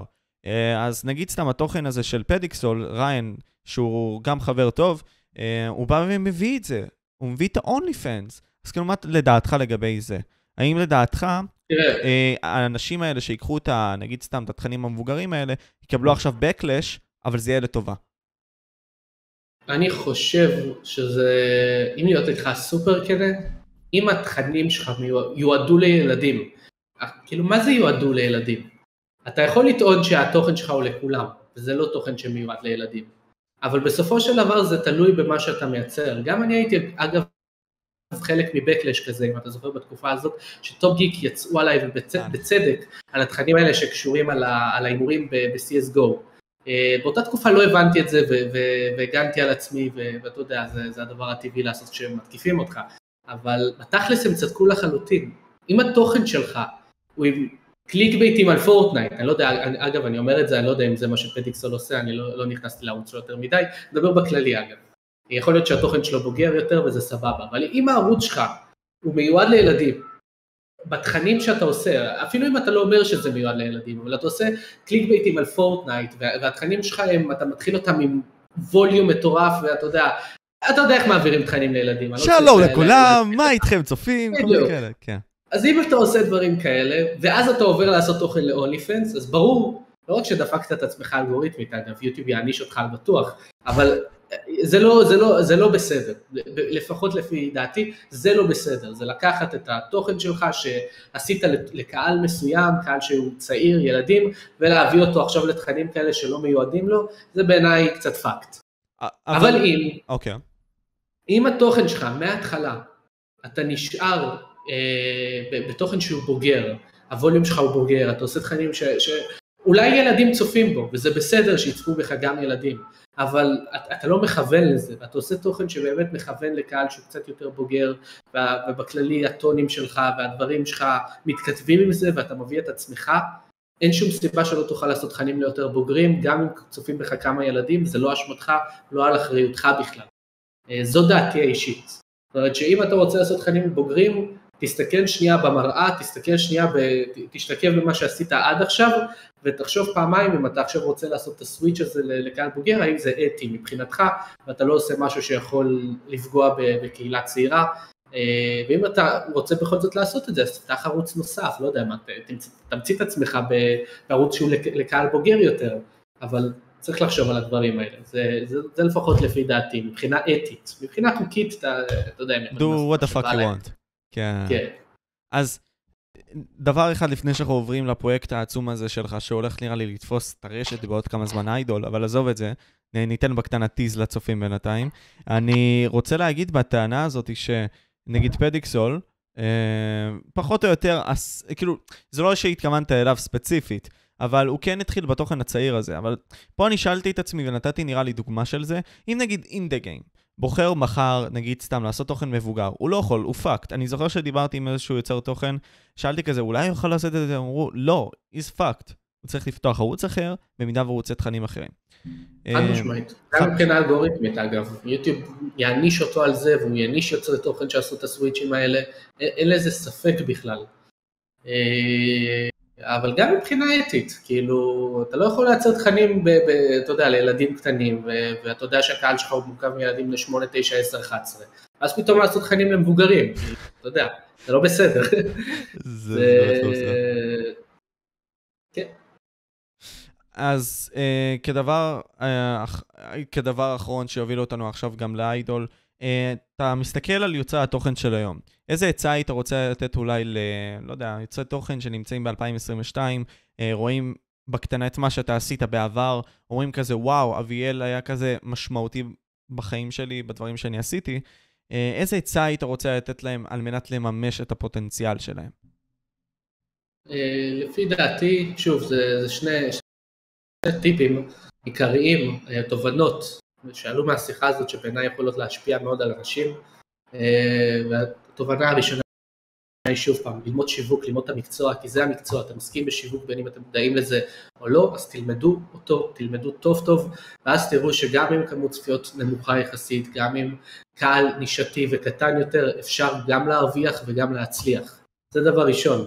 אה, ודבר שני, אל תתמקדו ואל תתמכרו למספרים. אני יודע, זה, זה קשה להגיד, זה, זה קל להגיד את זה, קשה לממש את זה. אנשים מכורים מאוד למספרים, הם מסתכלים על זה, הוא קיבל יותר צפיות ממני, יש לו יותר נרשמים ביום יום ממני, אני רוצה לעשות בגלל זה כמוהו. תתמקדו בצלחת שלכם, תתמקדו בהצלחה שלכם, הקהלים הם שונים, אל תשוו את עצמכם אף פעם לערוצים אחרים שמצליחים יותר מכם, כי יכול להיות שהם לא באמת מצליחים יותר, יכול להיות שהקהל שלכם הוא איכותי יותר, הוא מעריץ אתכם יותר, הוא אוהב אתכם יותר, הוא יעשה דברים בשבילכם, הוא יבוא אליכם אה, למפגשים שלכם, והוא, והוא יעשה איתכם אינטראקציה יותר מעניינת מאשר קהל של מישהו אחר שהוא פי שתיים יותר גדול ברישומים שלו, וזה אנשים שחודש אחרי יעזבו ויפסיקו לראות את הסרטונים שלו. זאת אומרת, אין טעם להשוות בין המספרים כי זה אנשים שונים, תתמקדו בערוץ שלכם, בגדילה שלו ותמקסמו אה, מה שאתם יכולים לעשות בשביל להגדיל את הערוץ הזה ולהצליח באופן אישי, בהצלחה האישית שלכם. ולא בהצלחה של אחרים. אני מאוד מסכים איתך, זה להתרכז בהצלחה שלך, וזה בכל דבר החיים. אה, מייקל ג'ורדן אמר את זה, כאילו, התחרות הכי גדולה עם עצמי, בסופו של יום, ולא עם האחרים. נכון. אה, ובסופו של יום, גם כמו שאתה אמרת, יש פה גם שמועות לגבי הרבה מאוד יוצרי תוכן שקונים בוטים. אז כאילו, גם להסתכל על המספרים העצומים שלהם, אה, יכול לעשות לך דיסוננס. כי יכול להיות שאתה עושה את הכל נכון, אבל להם יש בוטים. אני לא מאמין שיש בוטים, אה, המערכת של יוטיוב היא כל כך מעצבנת שאפילו סאבים אמיתיים היא מוחקת. אני נתקלתי לזה בצערי בפרויקט איידול, נדבר על זה עוד שנייה, אבל אני, אני לא מאמין שיש בוטים ואני לא מאמין שזה אפקטיבי בוטים, כי בסופו של דבר יוטיוב ימחקו את זה, אה, אבל יש דרך להצא, להביא קהל ממומן ולהגדיל את המספרים האלה בצורה לא טבעית, מה שנקרא. לשלם על צפיות. לגבי זה. אין לי ספק. כאילו, לעשות פרסומות, כאילו, מה זה לשלם על צפיות? לעשות פרסומות, זה, זה חוקי, זה בסדר, זה, אין, אין בזה שום, שום בעיה, ואפילו אני מעודד את זה למי שהוא בעל עסק והוא רוצה לעשות עם זה משהו רציני, פחות ליוצרי תוכן פרטיים, אבל בסופו של דבר זה לא משנה. המספרים האלה זה באמת, כמו שאמרת, לא, לא רלוונטי, המספרים שלו זה לא המספרים שלך, זה לא, לא משקף שום דבר, וזה רק מספרים. ואם יש יוצרי תוכן שעסוקים בדברים האלה במספרים, אז צר לי מאוד עליהם, כי אני יודע איך זה ייגמר, זה תמיד נגמר אותו הדבר, בפרישה. אז אני... תסכול, פרישה, כל הדברים האלה. אצלך זה דווקא לא היה פרישה, וזה הדבר המעניין. זה כאילו היה כזה screen turns, אה, turns black כזה, וזהו, לאיזה שנתיים, נכון. משהו בסגנון. ואז אתה חזרת עם סרטון ההתנצלות שלך, עם הפנים האלה העצובות ב thumbnail, אה, ואמרת כזה, אה, צופים, מתנצל, אני עובד פה על פרויקט שהולך להפציץ את כל מה שקשור לגיימינג. אה, דבר עצום שיש לו backup ממש עצום מנינטנדו, אני חייב לציין, נכון? תס- אה, תחדד אותי. יש השקעה עצומה של נינטנדו שם. לא השקעה של נינטנדו, הם עושים לזה חסות. חסות, סליחה, אה, טעות נינטנדו שלי. ישראל, כן, אבל יש השקעה עצומה אה, בפרויקט הזה ממשקיעים, זה סטארט-אפ. אז תספר עליו, כאילו, אתה נגיד סתם, מעניין אותי אישית ה phase הזה. אתה באת, עזבת את הסרטון האחרון שלך, הפסקת לעלות, מה היה משם? אה, מהפרישה, שוב, אני מצאתי את עצמי, קודם כל מהרבה מאוד תסכולים שונים. תסכול הראשון זה כמו שאמרתי, היוטיוב עצמו, אה, מיציתי, הגעתי לטופ, מיציתי את המספרים, כבר לא אכפת לי מהמספרים האלה, לא נהניתי לייצר את התכנים, לא נהניתי לייצר תכנים לילדים קטנים, פשוט לא נהניתי לעשות את זה, ורציתי משהו אחר. מצד שני, זה מה שהביא בסופו של דבר את הלחם הביתה, מה שנקרא. זה היה המשכורת העיקרית שלי, זו הייתה העבודה העיקרית שלי, אה, והבנתי מהר מאוד שאני חייב להמציא את עצמי מחדש, חייב למצוא דרך אחרת להרוויח כסף, אה, חייב למצוא דרך אחרת לעשות משהו שמעניין אותי, אה, ומפה לשם. מצאתי את עצמי בעולם היזמות, בעולם השיווק, יזמות, כל הדברים האלה, זה לרוב מתחבר מאוד ביחד כשאומרים שיווק ויזמות, כי השיווק זה בעצם איך אתה מוכר את עצמך. כן, אה, יזם, כמעט כל היזמים המצליחים בישראל לומדים גם שיווק, כי בסופו של דבר זה מה, זה איך הם מוכרים את עצמם, אה, ואיך הם מקדמים את הפרויקטים שלהם. אה, ובאמת תוך פחות מכמה חודשים אחרי הפרישה שלי מה, מהיוטיוב, שאגב, גם עוד, עוד משהו ש, שגם לפרוס, זה באמת כל העניין הזה של ה adpocalypse, אם אתה זוכר בזמנו. לוגן שהסרטונים- פול, עם ה- ברור. מוניטיזציה, נכון, עם PewDiePie גם, שסרטונים לא הרוויחו, וחצי מהסרטונים שלי היו מקבלים דימוניטיזציה ולא הייתי מקבל מהם שקל, וזה גם היה מייצר אי יציבות ותסכול. יותר מזה, נראה הדבר ששבר את קש הגמל אגב, זה היה באג של יוטיוב, ששלח לי מייל שאני הולך להיחסם מיוטיוב. זאת אומרת, היה להם התראה מוקדמת שאני הולך להיחסם לגמרי מיוטיוב בגלל איזשהו משהו שעשיתי שלא עשיתי, וכאילו זה היה ממש מכתב איום מיוטיוב. מה אתה אומר? אה, ש, ש, כן, שטופל ואחרי שבוע הם אה, התנצלו ומחקו את זה ואמרו שאין שום התראה ואין כלום, אבל זה הדבר ששבר את גב הגמל, כי מבחינתי הבנתי שדי, אני לא יכול לעצב את עצמי ביוטיוב, אני לא נהנה לעשות יוטיוב, זה לא יציב, אין בזה כסף באמת, יש בזה כסף, פשוט לא ידעתי לייצר מזה כסף כאמור, אה, והייתי חייב להמציא את עצמי מחדש, ומצאתי את עצמי במשהו שעניין אותי תמיד, עולם, עולם היזמות, עולם השיווק, זה התחיל מעולם השיווק והתגלגל לעולם היזמות. אה, כי זה דברים שעשיתי כבר, כי יוטיובר עם ממש שיווק, אז הייתי כבר בעולם הזה, וזה פשוט היה ללמוד ולהתפתח ממנו ולמצוא את עצמי בצד השני של המטבע. אה, ובאמת תוך פחות מחצי שנה, אחרי הפרישה שלי מיוטיוב, פתחתי את החברה הראשונה שלי. מצאתי את עצמי עם חברה, מצאתי את עצמי עם הכנסות יפות מאוד, מצאתי את עצמי משרדים בתל אביב, עם עובדים, וזה מטורף, זה היה סוויץ' מטורף מה- ממה שהייתי עושה ביוטיוב, פתאום להיות בצד המטבע שעובד אתה מנהל אותם. כאילו? כן, כן, וואו, חברה שלי לחלוטין, שפתחתי תוך פחות מחצי שנה אחרי שעזבתי את יוטיוב. מטורף. כן, ובתחום השיווק, שוב פעם, כל העניין הזה של שיווק, פתאום אני מוצא את עצמי זה שבוחר על איזה יוטיוברים לשים פרסומות, שבוחר כמה כסף לשלם על הפרסומות, וזה כאילו סוויץ' מטורף, אה, ושם זה באמת עניין אותי, כי תחשוב, הייתי מתחרה במספרים, הייתי מנסה להגיע להכי הרבה צפיות, ופתאום זה כבר לא עניין של להתחרות עם אה, יוטיוברים אחרים על כמה שיותר צפיות, זה פתאום להתחרות עם בעלי עסקים אחרים, עם חברות אחרות, עם מוצרים אחרים, מי מרוויח יותר כסף, ומי שיש לו את המודעה, או במקרה, במקרה של יוטיוב זה למי יש את הקליק בית הכי טוב, ומי שיש את המודעה הכי טובה מרוויח יותר, אז פתאום התשוקה הזאת אה, נדלקה מחדש, האש בי נדלקה מחדש, להיות הכי טוב, להשתפר בדבר הזה, ומשם התפתחתי. אה, עד שהגעתי לאיידול, אה, נראה לי שלוש, ארבע שנים אחרי, כמה זמן עבר? כן, ארבע, ארבע, חמש שנים אחרי. הפרישה שלך הייתה לפני ארבע שנים? אני לא בטוח כבר. No way, man.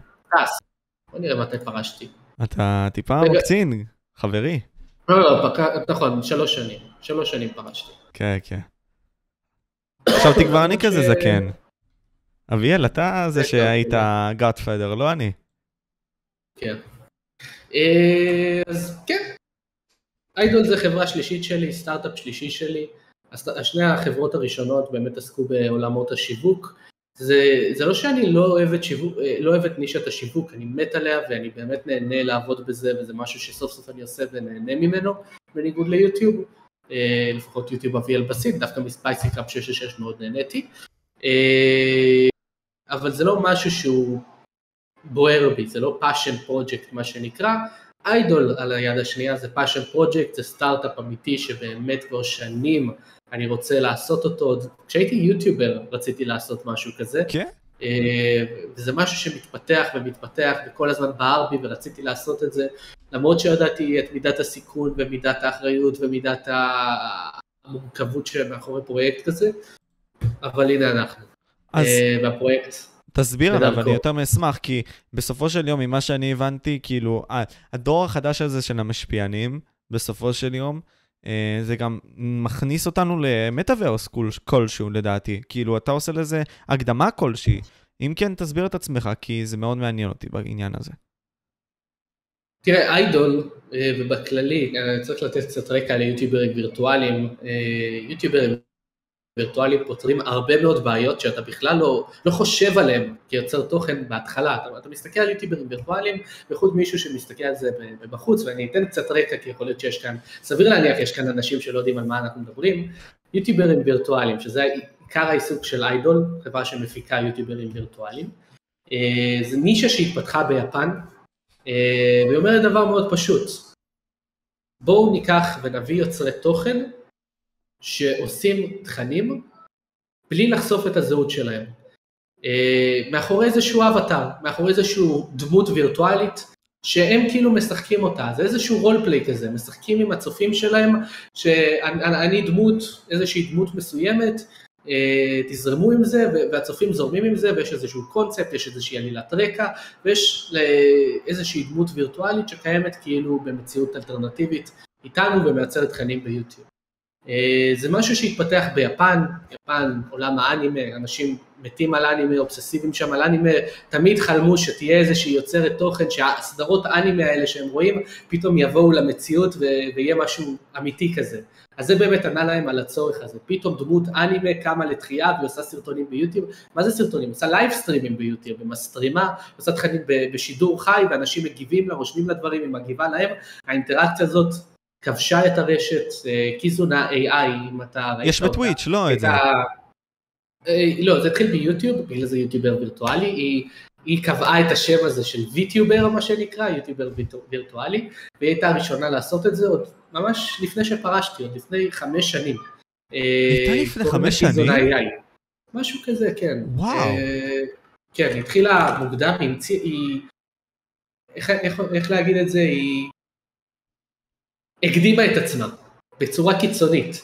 כי אחרי שהיא באה, העולם הזה של יוטיוברים וירטואליים לקח כמה צעדים אחורה, ורק אז הוא באמת התחיל להשתפשף. היא באמת הביאה משהו עצום בסטנדרט איכות מטורף, מה שהיא בעצם עשתה, long story short, הייתה דמות אנימה, אה, עם full body tracking תלת מימד, זאת אומרת הבן אדם היה עושה פרצופים, הדמות הווירטואלית הייתה עושה פרצופים, הוא היה הולך במרחב תלת מימדי, הדמות הייתה זה, היה להם סטודיו עצום, זאת אומרת, ממש הייתה מגיבה לתזוזות והיה לה עולם משלה, וממש כמו משחק מחשב שבנו לה בתלת מימד שהיא הייתה נמצאת בו, וזה היה מטורף, כאילו היה הפקה ברמה של משהו ש, שלא נראה בעולם הזה, והייתה הראשונה לעשות את זה באמת כאילו בנישת הוויטיובין כפי שמכירים אותה היום. אה, אבל זה לא, לא צלח כל כך, כאילו מה זה צלח? היא הגיעה למיליון רשומים האלה שלה, ו... והיו לה צפיות, אבל לאט לאט זה התחיל לדעוך, ולא יהיו הרבה אנשים שעשו את זה, כי הציבה איזשהו רף מאוד מאוד גבוה של תוכן שאיזה בן אדם עכשיו יכול לעשות סטודיו ולהקים דמות וירטואלית שהולכת בתלת מימד, הוא צריך חליפה של הוליווד, והוא צריך סטודיו שלם וצלמים ומפיקים ודברים כאילו, היא הציבה רף מטורף, והנישה הזאת לא, לא באמת התפתחה מאז שהיא קמה.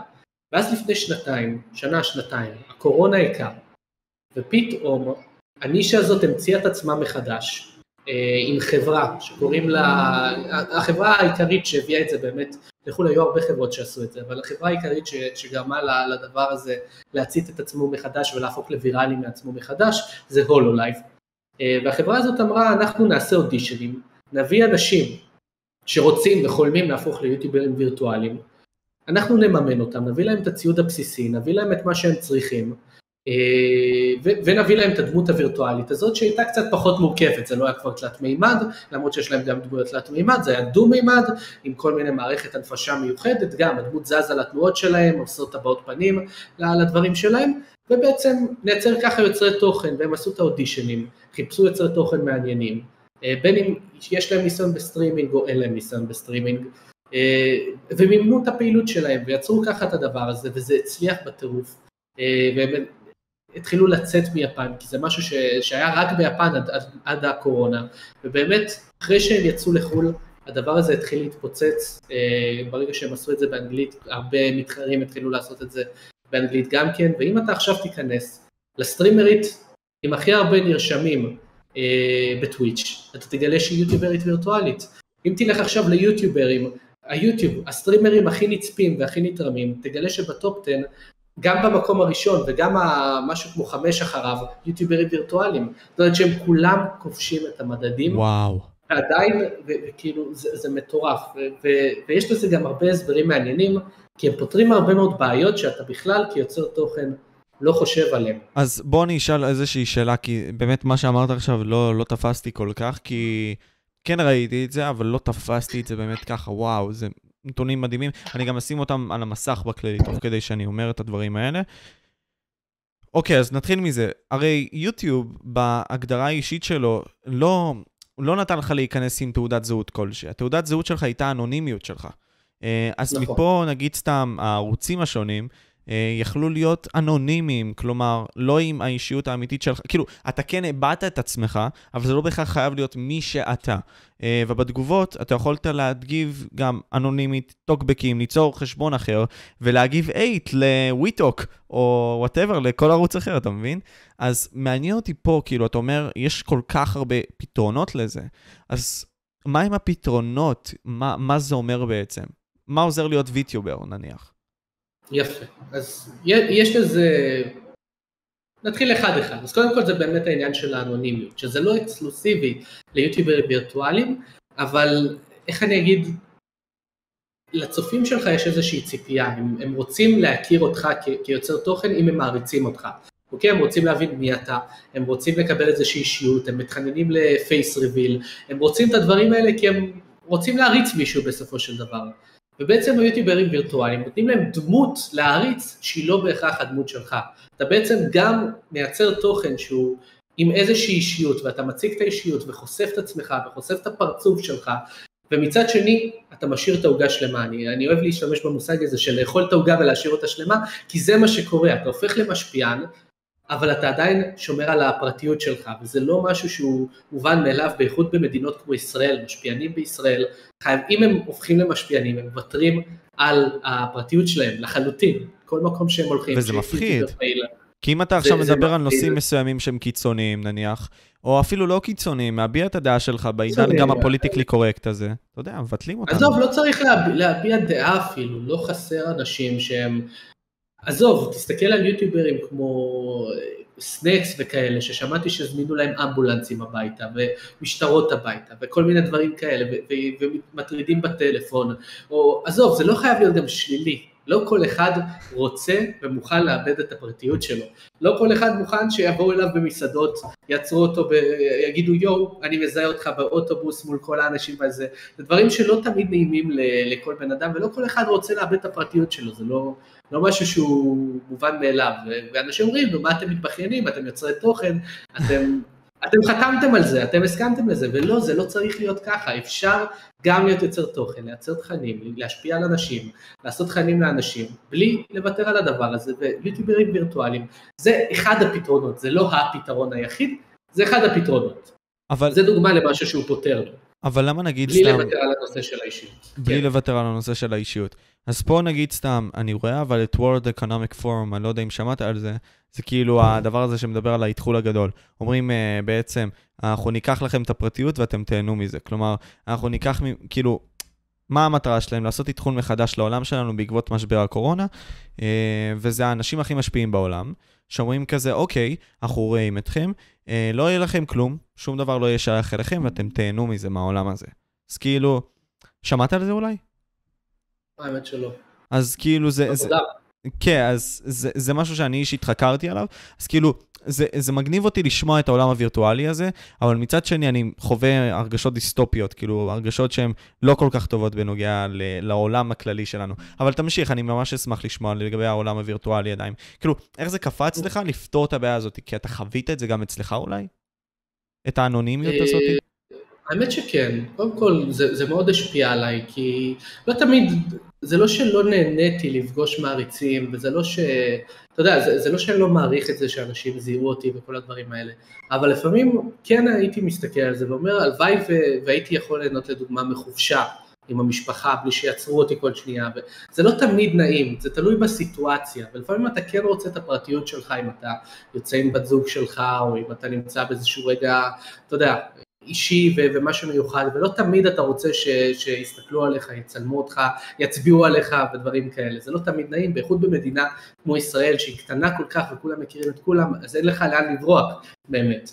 אה, בחו"ל זה לא, לא בעיה כזאת דרמטית, אבל בישראל מדינה כזאת קטנה כן. אה, אבל זה, זה לא רק העניין הזה, כי שוב, זה פותר הרבה בעיות שונות והרבה דברים שונים. קח לדוגמה יוצרי תוכן שהם יכולים להפציץ, יכולים להצליח בטירוף, והם מפחדים לעשות את זה. אגב, גם יכול להיות בגלל העניין של הוויתור פרטיות. בייחוד אגב אצל נשים, שמנו לב, והסיבה שאגב עשינו את העונה הראשונה של איידול רק עם נשים, חמש בנות גייסנו ב, לעונה הראשונה של איידול, אבל בייחוד אצל נשים יש הרבה טאלנטיות שיכולות להיות מטורפות, שיש להן יכולת העברת תכנים מדהימה, והן לא רוצות לעשות את זה בגלל הפחד לאבד את הפרטיות, אז זה דבר ראשון, אבל זה לא רק לאבד את הפרטיות, זה גם החוסר ביטחון של אני לא אצליח ביוטיוב, זה גם הדבר הזה של להתחיל מאפס ביוטיוב. כל הדברים האלה נפתרים על ידי משהו כזה, כי בעצם אתה כבר לא עובד לבד, אתה עובד עם משהו שהוא בא ומציע לך איזשהו בוסט מסוים. כי בעצם מה שהחברה שלנו, איידול, מציעה, זה היא אומרת בואו אנחנו נגייס אתכם באודישנים, נמצא את הטאלנטים שיכולים להיות יוצרי תוכן הבאים של ישראל, אנחנו נביא לכם את כל הכלים להצליח בטירוף, וזה משהו שלא יכול לעבוד עם יוטיוברים רגילים, אתה מבין? כי איך עכשיו חברה תבוא ותגיד אוקיי אני אממן יוטיובר רגיל ואני אביא לו במה ואני אביא לו את הדבר הזה, היא לא יכולה לעשות את זה כי היוטיובר הזה לא מחויב בה, לא, לא מחויב אליה, לא, אין לו שום קשר לחברה הזאת, הוא יכול לעזוב אותם יום למחרת בבוקר, ובגלל זה המודל הזה לעולם לא יכול לעבוד, כי היא לא יכולה לתבוע איזושהי בעלות על בן אדם, כי הבן אדם הוא עצמו. נכון. אה, והיא יכולה לטעון עד מחר שהיא פרסמה אותו, אבל זה לא משנה. הבן אדם זה הבן אדם, אבל זה שונה עם דמות וירטואלית, שאנחנו בונים ביחד עם הטאלנט. ואז יש לחברה איזושהי שייכות לדמות גם כן, ואז הטאלנט מרגיש שהוא חלק מהחברה הזאת, וכולם יודעים שהוא חלק מהחברה הזאת, והוא לא יכול לעזוב. אז מה שאנחנו גם יוצרים ביחד זה איזשהו פתרון לבמה מסוימת, כי תחשוב שכל הטאלנטים הם חיים, ב, כמו שאמרת קודם, באיזשהו מטאוורס משותף, וזה אומר ש... ורואים את זה אגב בהולולייב, זרקתי קודם את חברת ההולולייב, אבל אתה יודע שלא מזמן, הולולייב לפני שבוע, הם הכריזו על קבוצה נוספת של טאלנטיות באינדונזיה, לא באנגלית אפילו, קבוצה באינדונזיה, חמי, אה, סליחה, שלוש טאלנטיות חדשות שהם הכריזו עליהן, עוד לפני שהן העלו את הסרטון הראשון שלהם, כבר לכל אחת מהן היו 200 אלף רשומים. וואו. למה? כי הם יצרו איזושהי קהילה מטורפת של יוטיוברים וירטואליים שמשויכים לחברה הזאת, ואז מספיק שהם רק מכריזים על טאלנטיות חדשות שהן מקבלות את כל הבמה, כי כולם משייכים אותן לקבוצה הזאת. וזה משהו שאפשר להמשיך לעשות ולעשות, וככה לעזור ליוצרי תוכן לקבל במה מאפס, עוד לפני שהם התחילו הם מקבלים במה מדהימה להציג את הטאלנט שלהם, ואז זה רק למצוא את הטאלנטים המצליחים. ועוד משהו, הם לא מוגבלים, עזוב את הפרטיות, הם לא מוגבלים במראה החיצוני, במחשבות הקדומות. זה לא משנה הצבע העור שלהם, זה לא משנה איך הם נראים, מה המשקל שלהם, הם לא צריכים להתאפר, הם לא צריכים להתלבש יפה למצלמה, בייחוד אצל נשים. הם לא צריכים את כל זה, הם דמות וירטואלית. זאת אומרת, כל הדברים האלה נמחקים לחלוטין, זה נשאר נטו הטאלנט שלהם. מי טאלנט יותר טוב, מי יודע להעביר תכנים יותר טוב, מי מעניין יותר את הצופים. פיור טאלנט מה שנקרא, שבא ביחד עם הדמות הווירטואלית שבונים לו. ולא הזכרתי אפילו את הנושא הזה של תכנים מיוחדים, כי יש פה, זה, זה לא רק להציג איזושהי דמות מסוימת במצלמה, זה לא שאתה בא ומחליף את הפייסקאם שלך עם דמות וירטואלית. בדרך כלל הדבר הזה בחברות הגדולות מובנה איזשהו סיפור, עלילת רקע, טים, כאילו יש ממש רול פליי עם הצופים וזה נותן איזושהי חוויה שונה אה, שיוטיובר רגיל לא יכול לעשות. אתה עכשיו יוטיובר, אתה רוצה לעשות פודקאסט, אוקיי? אז אתה יכול לעצב תפאורה מאחוריך, אבל בסופו של דבר אתה מוגבל בתקציב שלך. אתה לדוגמה שמת טלוויזיה מאחוריך, תלית כמה פוסטרים, זה מה שאתה יכול לעשות. יוטיובר וירטואלי רוצה לעשות פודקאסט, הוא יכול להזמין מאיזשהו אומן מקצועי שיצייר מאחוריו סטודיו עצום, והנה הוא עכשיו נמצא בסטודיו עצום, הוא לא צריך לשלם על סטודיו, לא צריך להיות, להשכיר סטודיו, הוא נמצא עכשיו בסטודיו עצום. אתה מבין? אז יוטיוברים וירטואליים לא, מוגבל, לא מוגבלים על ידי העולם הפיזי, ובאמת אפשר לעשות תכנים שגם בני אדם לא יכולים לעשות, וגם לקחת את זה לנקסט לבל, בלי הגבלות תקציב, בלי הגבלות של, של, של הדבר הפיזי הזה. באמת פותר כל כך הרבה פתרונות שזה מדהים, בעיות, כן. אה, ובגלל זה לא מפתיע אותי שיוטיוברים וירטואליים לאט לאט כובשים את הדבר הזה. אה, אם אתה תסתכל שלוש שנים אחורה, היה פחות מאלף יוטיוברים וירטואליים, וזה היה אחרי שקיזון AI הגיע וטבעה את חותמה בדבר הזה. תוך פחות משנתיים שלוש יש כבר מעל עשר אלף טאלנטים וירטואליים. מטורף. מטורף. זה מטורף, זה גדילה אקספנציונלית יותר מהקורונה. אה, זה, זה רק ימשיך ל, ל, להגיע. אז אתה אומר שאתה בין הראשונים מה-first כן. adapter של זה, כאילו בין ה-first adapters בישראל, ממש. לא רק בישראל, בישראל זה, זה, זה לא קיים, כאילו מה זה לא קיים? היו כמה בנות אינדי שניסו לעשות את זה עצמאית, אבל זה מאוד קשה לעשות את זה עצמאית, כי גם העניין של השיווק והמיתוג ולהביא קונספט חדש למדינה שלא יודעת מה זה, גם בחו"ל, במדינות שמכירות את זה, ואין הרבה מדינות שעושות את זה, אגב, זה מה שמדהים. איידול הוא פרויקט בינלאומי, זה משהו שצריך להבין, זה לא פרויקט ישראלי, זה פרויקט בינלאומי שמטרתו להביא את הנישה הזאת למדינות מסביב לעולם. שתבין, הקונספט הזה של יוטיוברים וירטואליים, כמה שהוא מצליח וכובש מדדים, אין לך חברות שעושות את זה ברוסיה, אין לך חברות שעושות את זה במקסיקו, אין לך חברות שעושות את זה בספרד, אין לך חברות שעושות את זה כמעט בחצי עולם, אם לא יותר, אם לא 80 אחוז. ישראל זה, זה כלום, כאילו אין לך את זה בכל המזרח התיכון, עזוב את ישראל, אבל יש, חבר, יש שתי חברות עיקריות שעושות את זה, ושתיהן פועלות באותן, החברות, באותן המדינות שהן מרגישות בטוח איתן, הן, לא, הן מפחדות להתרחב.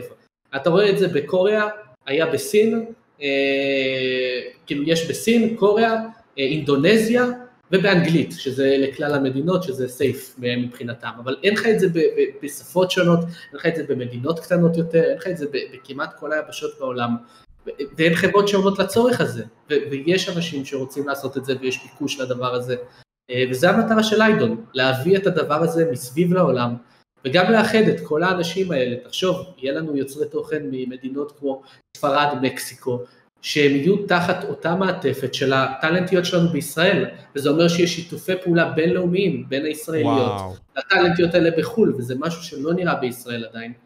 אה, ואני יודע שאתה רוצה לשאול למה לעזאזל התחלנו במדינה כמו ישראל, אם אין את זה במקסיקו וספרד, וזה לשחק על הנושא הזה של להוכיח שיש ביקוש לדבר הזה. אם במדינה כמו ישראל, שלא יודעים מה זה הדבר הזה יוטיוברים וירטואליים, שעוד אנש, אנשים פה לא רואים יוטיוברים וירטואליים בחו"ל, עזוב, אה, אני כאחד, תשמע, אני, אני, אני חוקר ממש את האינטרנט. אני גיק של אינטרנט, רואה הרבה מאוד תכנים שונים ומגוונים, בין אם זה פודקאסטים, בין אם זה סטרימים וכל מיני כאלה. אני כמעט ובחיים שלי לא נתקלתי בתוכן של ויטיובריות, וצפיתי בו. כמובן שאני מכיר את השמות הגדולים, וראיתי גם שזה נמצא בטוויץ', אבל לא מעבר לזה. אז אתה מבין, אנחנו, זה, אנחנו עדיין בחיתולים. ממש בחיתולים, זה אנחנו מקדימים פה את ה... בשלוש, חמש שנים את הדבר הזה, הוא בכלל לא, לא אמור להגיע לישראל כל כך מוקדם, ואנחנו אמרנו, אנחנו רוצים דווקא עכשיו להוכיח שאנחנו יכולים להצליח בישראל, ואגב כרגע הכיוון הוא מאוד מאוד טוב, אה, מבחינת המספרים אנחנו רואים שאנחנו כבר מפתחים את הקהילה שלנו כאן בישראל, יש אגב הרבה מאוד, שתבין, מרוב שיש מחסור לדבר הזה, יש כל כך הרבה ביקוש, אני אומר 10 אלף יוטיוברים וירטואליות זה באמת מילה מטורפת, זה לא מספיק, יש ביקוש לדבר הזה, בגלל זה זה כובש את המדדים, כי אנשים רוצים לראות את התכנים האלה, ואיך שהכרזנו על הפרויקט שלנו בעברית בישראל, אם תיכנס לסרטון אתה תראה 90% מהתגובות באנגלית, אנשים, כתבות, נכון. מסביב לעולם כבר הספיקו לכתוב על זה. אתה תמצא לפחות שמונה כתבות שונות ממדינות שונות בחו"ל על איידול, ואנשים מחכים לזה בחו"ל, ומחכים לפרויקט הזה, ועיקר הצופים שלנו כרגע הוא בכלל בחו"ל, למרות שאנחנו מייעדים אותו לישראל בעברית, כי יש ביקוש לדבר הזה, ואפילו אם זה יוצא בעברית במדינה קטנה כמו ישראל, אנשים רוצים לראות את זה אה, מחו"ל, וזה מדהים בעיניי. ושוב, המטרה שלנו באמת לחנך את השוק כאן, להראות כאן מה, מה זה הנישה הזאת ולמה זה מיוחד, ולמה בסופו של דבר זה לא הילדות אנימה עושות תכנים, זה, זה בסופו של דבר האנשים אמיתיים מאחורי האבטרים האלה שבאמת יש להם טאלנט מטורף, טאלנט ש, שלא ראיתי בישראל, באמת כאילו עשינו אודישנים ל-250 אה, נשים שונות שיש להם איזשהו עיסוק בדבר הזה של העברת תכנים, וזה מדהים, באמת שאנחנו לא יכול לשים במילים אה, אה, אה, איזה טאלנטיות בחרנו לאיידול ויראו את זה, יראו את זה כשנצא לפועל. ולא רק שאנחנו מביאים ויטיובריות לישראל, אנחנו מנסים להביא גם את התוכן הזה. זרקנו בהתחלה של תוכן גיימינג בוגר, מנסים להביא את התוכן גיימינג הבוגר הזה לישראל, לא בהכרח OnlyFans, וכמו שאתה אומר, לאנשים בוגרים בוגרים, אבל נכון. אתה יודע, תכנים לקהל שהם לא ילדים, לא clickbait ים, לא מה קורה חברים, וכל הצעקות והזה, משהו שהוא שונה, משהו שהוא שונה תוכן לישראל. תוכן איכותי, נקודה. ואני אקריא כמה כן. תגובות שרשומות בסרטון. ספורטסד באינטנדו, דנג, there must be a lot of invest into this group. I look forward to seeing them. כאילו, um, זה, זה תגובה אחת, בואו נראה אם יש פה בעברית, יש, יש פה הרבה באנגלית כמו שאתה אמרת, אתם ארגון מטורף, אה, עכשיו רשום בעברית, וואו, העריכה שלכם על רמה ואתם באמת השקעתם, מאמין בארגון הזה ברמות על. בהצלחה ואני מחכה לראות כמה פרקים. יש באמת investment עצום של אנשים שממש רואים את זה גם. הסרטון עצמו הגיע ל-153 אלף, זה הסרטון הראשון של ה... ה debut, מה שנקרא, שמציגים שם את חמשת הדמויות שעליהם אביאל דיבר, בין אם זאת קטרינה, ניאו, לילי, ניקי ואמי. אה, בכללי חמשת הדמויות הללו, שגם מאחוריהם יש סיפור, ואתם יכולים להיכנס לסרטון ולראות את זה. לי יש מספר שאלות, כאחד שאני מאוד אוהב את העולם החדש הזה, אבל אתה יודע, יש לי את החששות האישיות שלי, אז נתחיל בכמה ותנסה לעזור לי איתם. יכול להיות שגם הצופים... Yeah. אם, אם יש לכם גם כמה שאלות ואתם מעוניינים שגם נעשה את זה עוד פעם בקטע הזה, אני אשמח, כי הפרויקט הזה יכול להיות עצום בהחלט. Uh, נתחיל מזה. קודם כל, האם כל אחת או כל אחד בסופו של יום יוכלו להיות הוויטיוברים האלה? כלומר, אם אנחנו ניקח את זה חמש שנים קדימה, האם אני עכשיו, סתם דוגמה, כמשה, או מי שצופה בסרטון עכשיו, סתם דוגמה נניח, יוכל להיות הוויטיובר הבא הזה? כאילו בעצמו, כלומר. או שצריך כן להשקיע לא, בזה אה, כסף.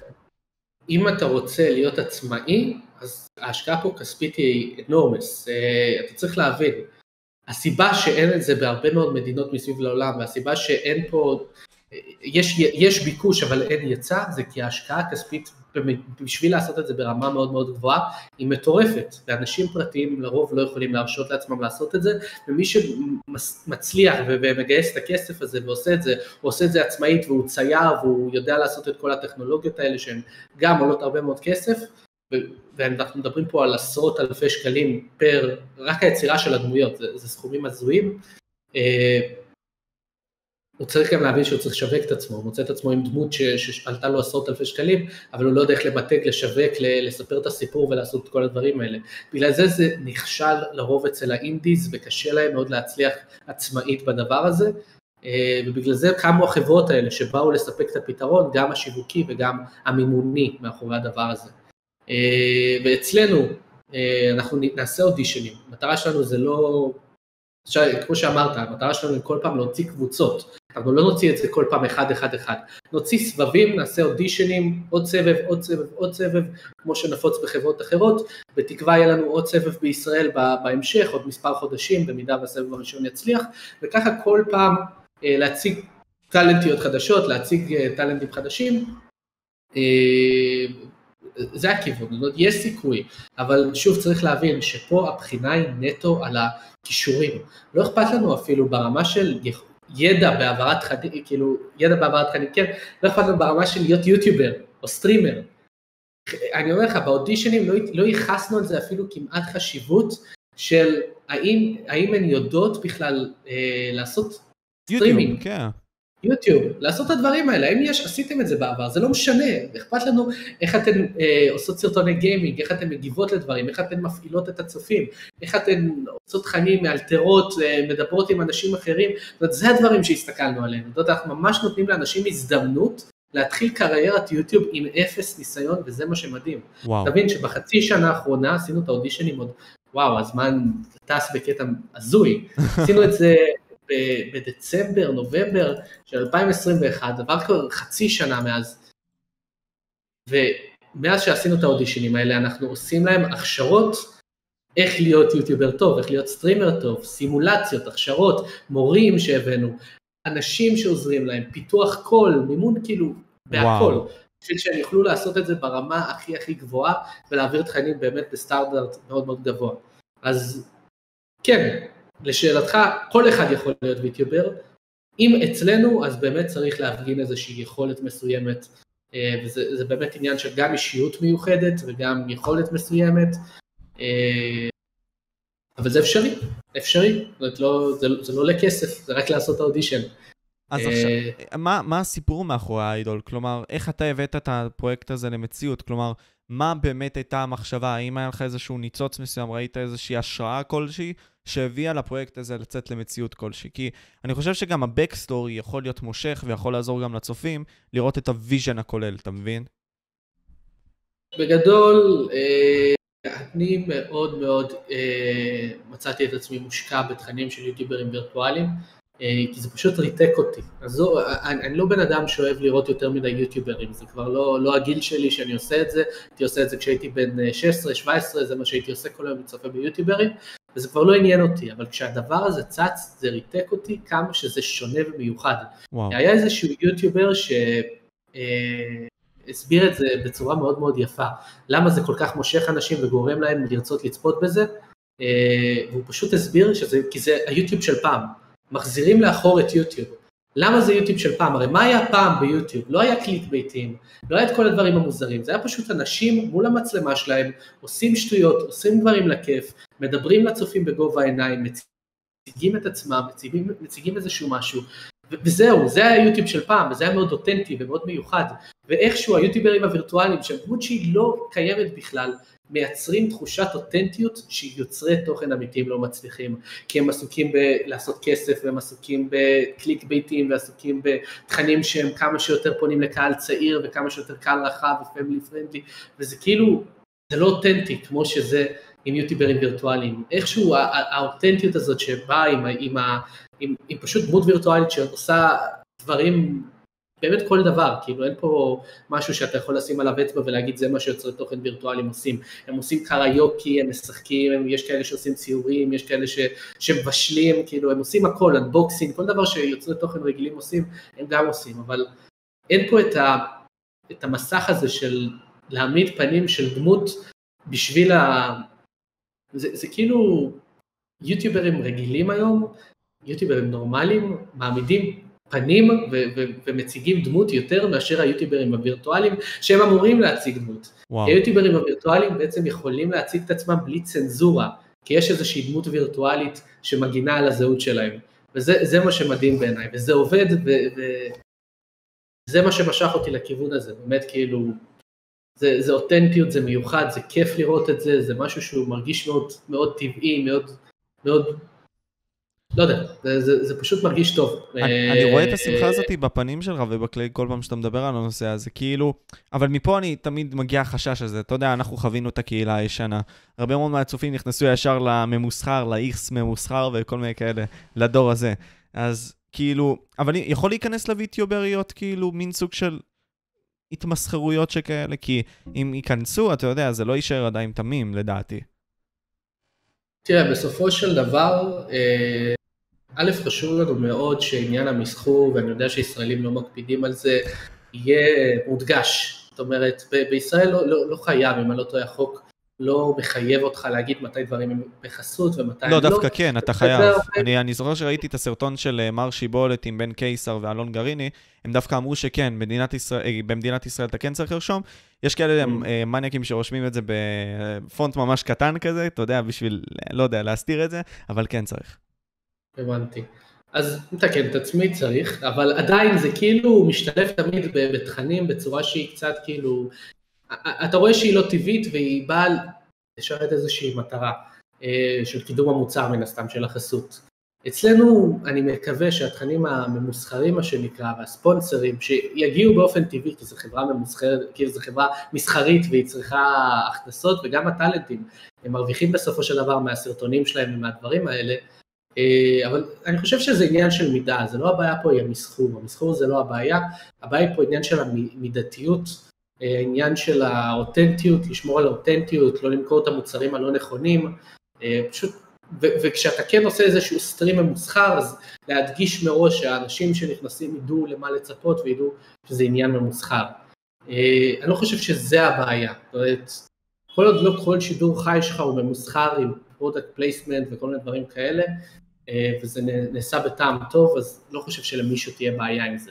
אה, הפוך, אני חושב שכולם שמחים שהיוצר תוכן מרוויח כסף, ויכול לעשות ולהפוך את זה מ-passion project למשהו שהוא full time. כל עוד הוא לא מטה את הקהל, אני מאוד מסכים איתך, זה... אבל הבעיה היא ש... וזה מה שאני רואה, מהחשיבה של הבורות שלי. אה, אוקיי, אז נניח עכשיו, אה, יש יוטיוברית עצמאית שעושה נגיד סתם את התוכן שלה, אה, ויטיוברית, והיא מתמסחרת מאוד ומטה את הקהל שלה וכל מיני כאלה, כמו שקורה עכשיו ביוטיוב. כאילו, העניין שלי זה שהסייקל יחזור על עצמו. אתה מבין למה אני מדבר? זה העניין. נגיד סתם שבמקום שאנחנו ניצור משהו אותנטי, יפה, כמו שאתה באמת מתאר, שלדעתי, אני רק חולם על זה, אביאל. אני רק חולם על זה, כי זה היה כל כך יפה באותן תקופות, באמת, בחיי. אה, ואתה יודע את זה, אני יודע את זה, והרבה מאוד מהצופים שצופים בקהילה הישנה גם יודעים את זה. אז האם הסייקל כן יכול לחזור על עצמו בקטע הזה? אה, עם אינדיז יכול, אבל אני פחות מאמין שזה יחזור עם חברות כמו החברה שלנו, אה, כי בסופו של דבר השליטה והנגיעה הזאת בכמה מסחור ובאיזה תכנים עולים, אפילו בדברים כמו קליק ביתים ודברים כאלה, בסופו של דבר יש לנו יש לנו נגיעה בזה, כי אנחנו עובדים ביחד עם הטאלנטים הווירטואליים בשביל, לא, לא הייתי קורא לזה לצנזר אותם או, לפק, או ממש לפקח על התכנים שלהם, אבל כן באיזושהי מידה שתהיה לנו את השליטה, שהם לא יעשו טעויות, שיוצרי תוכן שהם לבדם עושים ולא חושבים פעמיים. גם מבחינה משפטית אגב, אנחנו באיידול, שתדע לך זה משהו שלא, נראה לי אף חברה בחו"ל לא עושה את זה, אבל לנו זה היה מאוד מאוד חשוב, אה, שכל הטאלנטיות שלנו יש להם 100% מימון משפטי. זאת אומרת, וואו. החברה עומדת לצידם, אה, תובעים אותם, בעיות זכויות יוצרים, אה, הן רוצות לתבוע מישהו, החברה מממנת 100% מזה, עומדת מלפנים של הטאלנט בטוב וברע.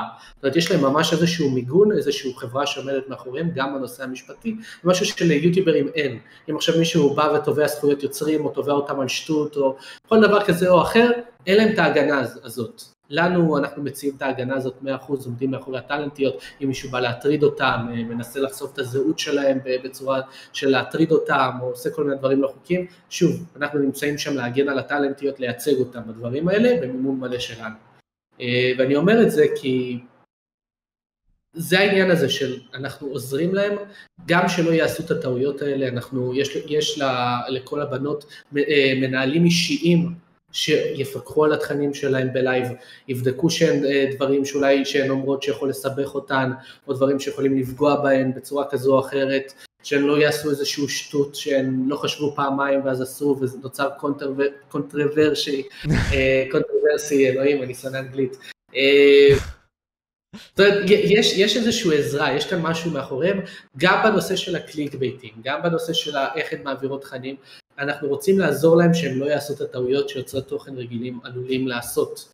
אה, זאת אומרת, גם, בגלל זה מתקשר לנושא של החסויות, אני לא מאמין שיהיו דברים מגעילים, כמו יותר מדי מסחור, יותר מדי clickbait, או תכנים שהם חוזרים לנושא הזה של מה שדיברנו עליו בתחילת השיחה, כי פה יש סוף סוף איזשהו פיקוח מינימלי שמאפשר לדבר הזה להימנע, שיהיה את הקונס... כן, consistency לייצר תכנים אה, טובים בצורה עקבית.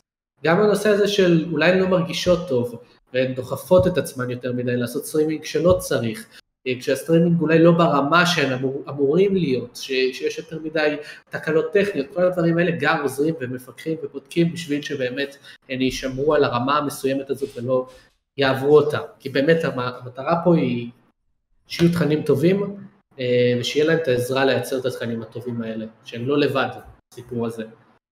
Mm, אז זה ממש חשוב, כי אתם כן מנסים לשמר את המימד האותנטי הזה, אבל תמיד יש את החשש הזה שזה לא יצא ככה, ואני קודם כל שמח ואשמח יותר לשמוע גם על הפרויקט שלך. אה, יש לי שני שאלות אחרונות קצרות יותר. אה, קודם כל, יש לך דבר אחרון שאתה רוצה להוסיף לגבי הפרויקט הזה, שאתה רוצה שהצופים ידעו? גם אולי איפה למצוא אתכם? אני בכללי אשים את הלינקים של הערוץ בתיאור, גם הלינקים של uh, הדמויות עצמן, שהם uh, כבר בכמה אלפי uh, סאבים, שזה מאוד יפה, למרות שראיתי שיוטיוב מחק להם כמה סאבים, משהו בסגנון הזה, נכון? לפני איזה שעה. יוטיוב מחק בערך 5,000 סאבים לכל טאלנט. מה אתה אומר? זה הזוי. יוטיוב לא אוהבים את הדברים האלה, הם, כאילו זה חדש ליוטיוב שפתאום יש קבוצה של יוטיוברים חדשים, שיהיה להם סרטון אחד בערוץ והם מקבלים בבת אחת, ולא בן אדם אחד, אלא חמש בבת אחת מקבלים מלא נרשמים. לצערי גם החברות הגדולות שהזכרתי בהתחלה, הולולייב וזה, סובלים מהדבר הזה ש-50 עד 80 אחוז מהנרשמים נמחקים להם, וואו. זה עצוב, אבל בתקווה אחרי זה זה חוזר, אחרי שהם מתחילות לעשות שידורים וזה, אנשים שמים לב שמחקו להם את הסאב ועושים סאב מחדש. אבל כן, הם אמורים להיות עכשיו כל אחת באיזה 7,000 סאבים, זה לא, זה לא המצב, הם באיזה 2,000.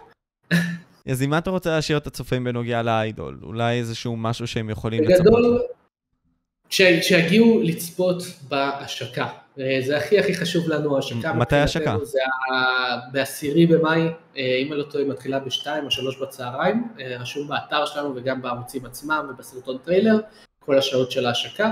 בעצם ההשקה הולכת להיות 45 דקות לכל talent, זאת אומרת סך הכל 3 ו... 3.45 שעות השקה, וואו. ה talentיות הולכות לעלות אחת אחרי השנייה ללייב, אחת תסיים את הלייב ואז תעלה השנייה, כאילו כל אחת בתורה, להציג את עצמם. בעצם ה debut streams, משהו שלא נגענו בו יותר מדי בשיחה הזאת, אבל הוא מאוד מאוד דרמטי. כי מדובר כאן בעצם על לא בן אדם, מדובר כאן על אישיות ואיזושהי דמות וירטואלית שחיה ויש לה את העלילה שלה ויש לה כל מיני דברים משלה, אז בדרך כלל ה debut streams האלה, השידור חי של ההשקה, בא להציג אותם, מה הסיפור שלהם, והוא בדרך כלל מאוד חגיגי עם אנימציות והצגת התכנים, וכאילו אתה לומד באמת מי ה talent ומה הוא אוהב לעשות, גם הדמות עצמה וגם, הדמות, וגם הבן אדם מאחורי הדמות, ובעצם ככה אתה לומד האם זה משהו שאתה רוצה לראות, או אולי הוא לא מעניין אותך, ואז אתה יכול לעבור לטלנט הבא ולראות אולי אתה מתחבר אליו יותר מהאחר. לקחנו בכוונה חמש אה, גיימריות, בנות, שהן מאוד שונות בהעברת התכנים, בצורת הדיבור, כאילו מאוד מאוד שונות אחת מהשנייה, בשביל שלכל אחד באמת יהיה משהו שאולי הוא ימצא את עצמו יותר ויתחבר אליו יותר, גם במשחקים שהן משחקות. באמת ניסינו לבנות איזשהו עונה ראשונה שהיא מאוד מאוד עם הרבה אפשרויות לאנשים. והדמויות שלהם דומות כאילו לחיים אמיתיים? אה, הצבנו אותם ביחד איתם, זאת אומרת, אם הם לא, יכול להיות הן דומות, אני לא יכול למסור שום פרט לגבי הדבר הזה, איי איי איי. באופן מוחלט, הן יכול, יכול להיות דומות, יכול להיות שונות, מה שכן אני יכול להגיד לך, זה שהן נבנו ביחד, זה אגב משהו שהוא שונה, בהולולייב לדוגמה, לפי מה ששמעתי בחברה הגדולה בחו"ל, הם נותנים את הדמות הווירטואלית ל talent, הוא לא בוחר אותה, הוא לא בונה אותה, זאת אומרת, הם מציבים לעובדה, זה ככה אתה נראה, זה הדמות הווירטואלית שלך. ולפ... ולפי דעתי זה לפעמים יכול לפגוע. לפעמים זה פוגע בול, לפעמים זה יכול להתפספס בגדול, כי הדמות לא משקפת פשוט, לא באישיות, לא בעיצוב, לא בכלום. פה את היוטיובריות הווירטואליות בנינו ביחד עם הטאלנטיות, זה בא מ-N, אה, ובנינו את זה באמת סביב קונספט שמאוד מאוד משקף אותן ואת האישיות שלהם. זאת אומרת שמבחינת אישיות, תהיה בטוח שזה הותאם להם כמו כפפה, מבחינת מראה למציאות, לא חושב שזה רלוונטי. and that's the important part about being anonymous, מה שנקרא. Uh, תשאיר את הצופים עם משהו ממך, משהו שלא יודע, אתה רוצה להגיד לצופים שהם ידעו uh, תובנה מסוימת, דבר שעזר לך בתקופה האחרונה, כל מיני כאלה. התובנה היא באמת לרדוף אחרי מה שעושה לכם טוב. נשמע כמו קלישאה, אבל זה לא קלישאה. עזבתי את יוטיוב, הייתי במקום שהרבה אנשים חולמים עליו, אבל פשוט לא היה לי טוב, והיו אנשים שאמרו לי שאני משוגע, מה אתה עוזב את יוטיוב כשאתה במקום הראשון, תסתכל על הכמות כסף, אנשים היו מתים להרוויח, יותר, להרוויח את הסכומים האלה מלעשות סרטוני גיימינג, אתה משוגע, יש לך עבודת חלומות, הכל בסדר, עזבתי את זה, אני נמצא במקום הרבה יותר טוב, בזכות זה שעזבתי את זה, אני רודף אחרי חלומות, אני עושה דברים שטובים לי, וזה מה שבאמת חשוב. וגם אני מרוויח בהתאם, ומרוויח הרבה יותר משהרווחתי ביוטיוב, טפו טפו טפו, למרות שכסף שוב, זה לא, זה לא האישו, זה, זה לעשות מה שאתה אוהב לעשות, אה, זה עושה את כל, ה, את כל ההבדל. ומשם אם אתה מתרכז, ואתה הופך את זה לדבר היחידי שאתה כאילו מתמקד בו, בעץ היחידי שלך, אתה יכול גם למקסם את עצמך בדרך. נכון, לגמרי. אז אני בעיקרון רוצה להגיד לך תודה כאחד שגדל עליך, כאחד שגם בכללי התעניין מאוד בפרויקט הזה, כאחד, כאחד שפשוט אומר, וואו, איפה אביאל היה כל הזמן הזה? אה, ובכללי, אני, אני פשוט רוצה להגיד לך תודה, מקווה שאתה נהנית בכללי, אה, וזה היה אינפורמטיבי. תודה אה, רבה גם לך. לא, אני, אני השתדלתי, השתדלתי כמה שיותר לחלץ ממך את המידע הזה וגם להנגיש אותו, וממש הפודקאסט הזה יצא קרוב להשקה, אז בכלל, אנשים גם יטעמו מהעולם הזה, ויבינו כזה, fuck, אוקיי, הפודקאסט הזה הוא סוג של tease, ופתאום יש לי את ההשקה הזאת, מה הולך להיות שם. אז הולך להיות מגניב ממש, אני, אני מאוד מצפה לזה, אני אישית הולך לצפות בזה, ומקווה שגם אתם צופים. אה, ותעקבו אחרי ה Idol, עוד פעם, למטה בתיאור, אה, וזהו. יש לך משהו אחרון שאתה עוד רוצה להוסיף אולי, קטנצ'יק כזה? תודה רבה לכולם, מי שהצליח לשרוד את השיחה הארוכה הזאת, כל הכבוד לו. אני הייתי We Talk Podcast משה, וזה היה אביאל בסין, a.k.a SpicyCrap, a.k.a הדבר או הבן אדם שיביא את Idol למשהו גדול, ובכללי Idol יהיה משהו גדול ככל הנראה, נקווה לטוב. אה, זהו. תודה רבה, ביי ביי. ביי.